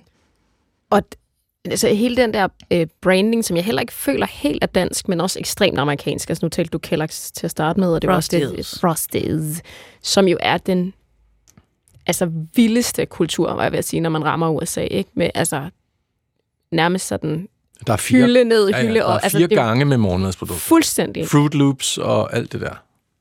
Ja, jamen, jamen, det er præcis, der mm. er nemlig op, og det, det, er meget, og det er meget farverigt, og det er meget smukt, meget appellerende. Altså, er der ikke også bare stor forskel? Er vi ikke lidt sådan nogle morgenmadsamatører herhjemme? Jo, lige på det punkt, eller også så er vi bare vant til, at vi spiser havregryn, fordi der har nemlig været meget af det samme, altså øh, i form af Ota solgryn, og vi har set en masse reklamer, også igennem tiden på Ota solgryn. Vi kender måske Sikker Hansens Dagra-piger, altså at, at øh, den er gået ind og har fyldt det marked, som, som der er for den slags øh, nemme, øh, lige fra pakken-agtige produkter med lidt mælk på. Ja, og det var så idræt også. Jeg kan huske de her solgrønkår. Der var også bevægelse, og der var ham der, kaptajn Jespersen, var der også. Det var der også helt klart også noget solgrøn halløj. Vitalio Sørensen. Ja, det var sådan, det var, ja. ja. Som en, der ved enormt meget om mad og dens historie, blev du så egentlig provokeret, når du får at vide, at en Kellogg's person siger, at man skal spise morgenmad til aftensmad? Nej, det gør jeg ikke. Jeg, jeg, jeg ser ham virkelig som sådan en øh, Olsen-banden-agtig multinational finansfidus, der bare vil tjene flere penge. Ja. Så, øh, så det, det, det, det gør jeg ikke, nej. Og hvis man lægger mærke til det, den, den video, hvor han er med i, så oppe i højre hjørne, så kører, øh, kører Kellogg's aktiekurs så også lige, du ved, så man lige kan se, hvor meget, mega meget fart på, der har været øh, med deres øh, produkter. Så ja, det går godt for okay. morgenmaden derovre. Ja, man må huske, hvis vi nogensinde ejer en virksomhed, og vi skal mm. sælge vores produkter i ja. kriser, det må være det, vi noterer os. Jeg peger lige på dig, fordi, øh, ja. Maja Tekeli, det er jo ikke nogen hemmelighed, at øh, halvdelen af det, du kommer fra, er jo ikke dansk. Og hvordan i Tyrkiet, hvordan gør man der med morgenmad? Er det, mødes man ligesom også bare ud af døren af fart på og faster, eller hvad gør man? Det kommer an på, hvad for et liv man lever, om man skal skynde sig på arbejde. Men altså, der er jo tradition for at spise stor aften, øh, undskyld, morgenmad med øh, altså, æg og oliven og brød og melon, og jeg skal komme efter dig Mm. øh, på en helt anden måde, end jeg har været vant til i Danmark. Men det kan også godt være, at det bare er den mellemøstlige version af det, vi kalder brunch med meloner og Det har man skinke tid rundt om. til, og man tager sig tid, og man sidder og hyggesnakker. Ligesom danskere og tyrker er jo ekstremt forskellige, så ja. det kommer an på, om man skal tidligt op om morgenen, eller om man Ja, ja, skal skynde sig. Men det, der er en stærkere tradition for det i min familie i hvert fald. Jeg tror, vi øh, kører garage med det her. Gør vi ikke Okay, tusind tak, fordi du kom. Hey, hvad har du spist til morgenmad? Hurtigt. Nå ja. Øh, jeg har spist øh, brød med ost, ligesom BMO. rigtig mange. Okay, jamen øh, det kan man jo notere sig. Øh, en ekspert i, hvad, hvad man har spist, og hvad man skal spise. Frederik Heid, etnolog og madhistoriker. Bolle med ost lever videre. Ha' en rigtig god weekend, og tak fordi du kom. I lige måde. Det var simpelthen øh, 4. division på den første fredag i marts. Tak fordi I var her, I to. Selv Det var tak. fantastisk. Det var Sanne Segal Ben Moyal, og det var Maja Tekeli. Jeg hedder Jesper Dein, og ude i regien, der sidder producerne Gustav Hagil og Asta Jølver Petersen. Clara Favs spiser også på redaktionen. Ja, der er ikke til så meget andet tilbage, end at bare sige god weekend. Og godt nytår. Shabbat shalom. Gå på opdagelse i alle DR's podcast og radioprogrammer. I appen DR Lyd.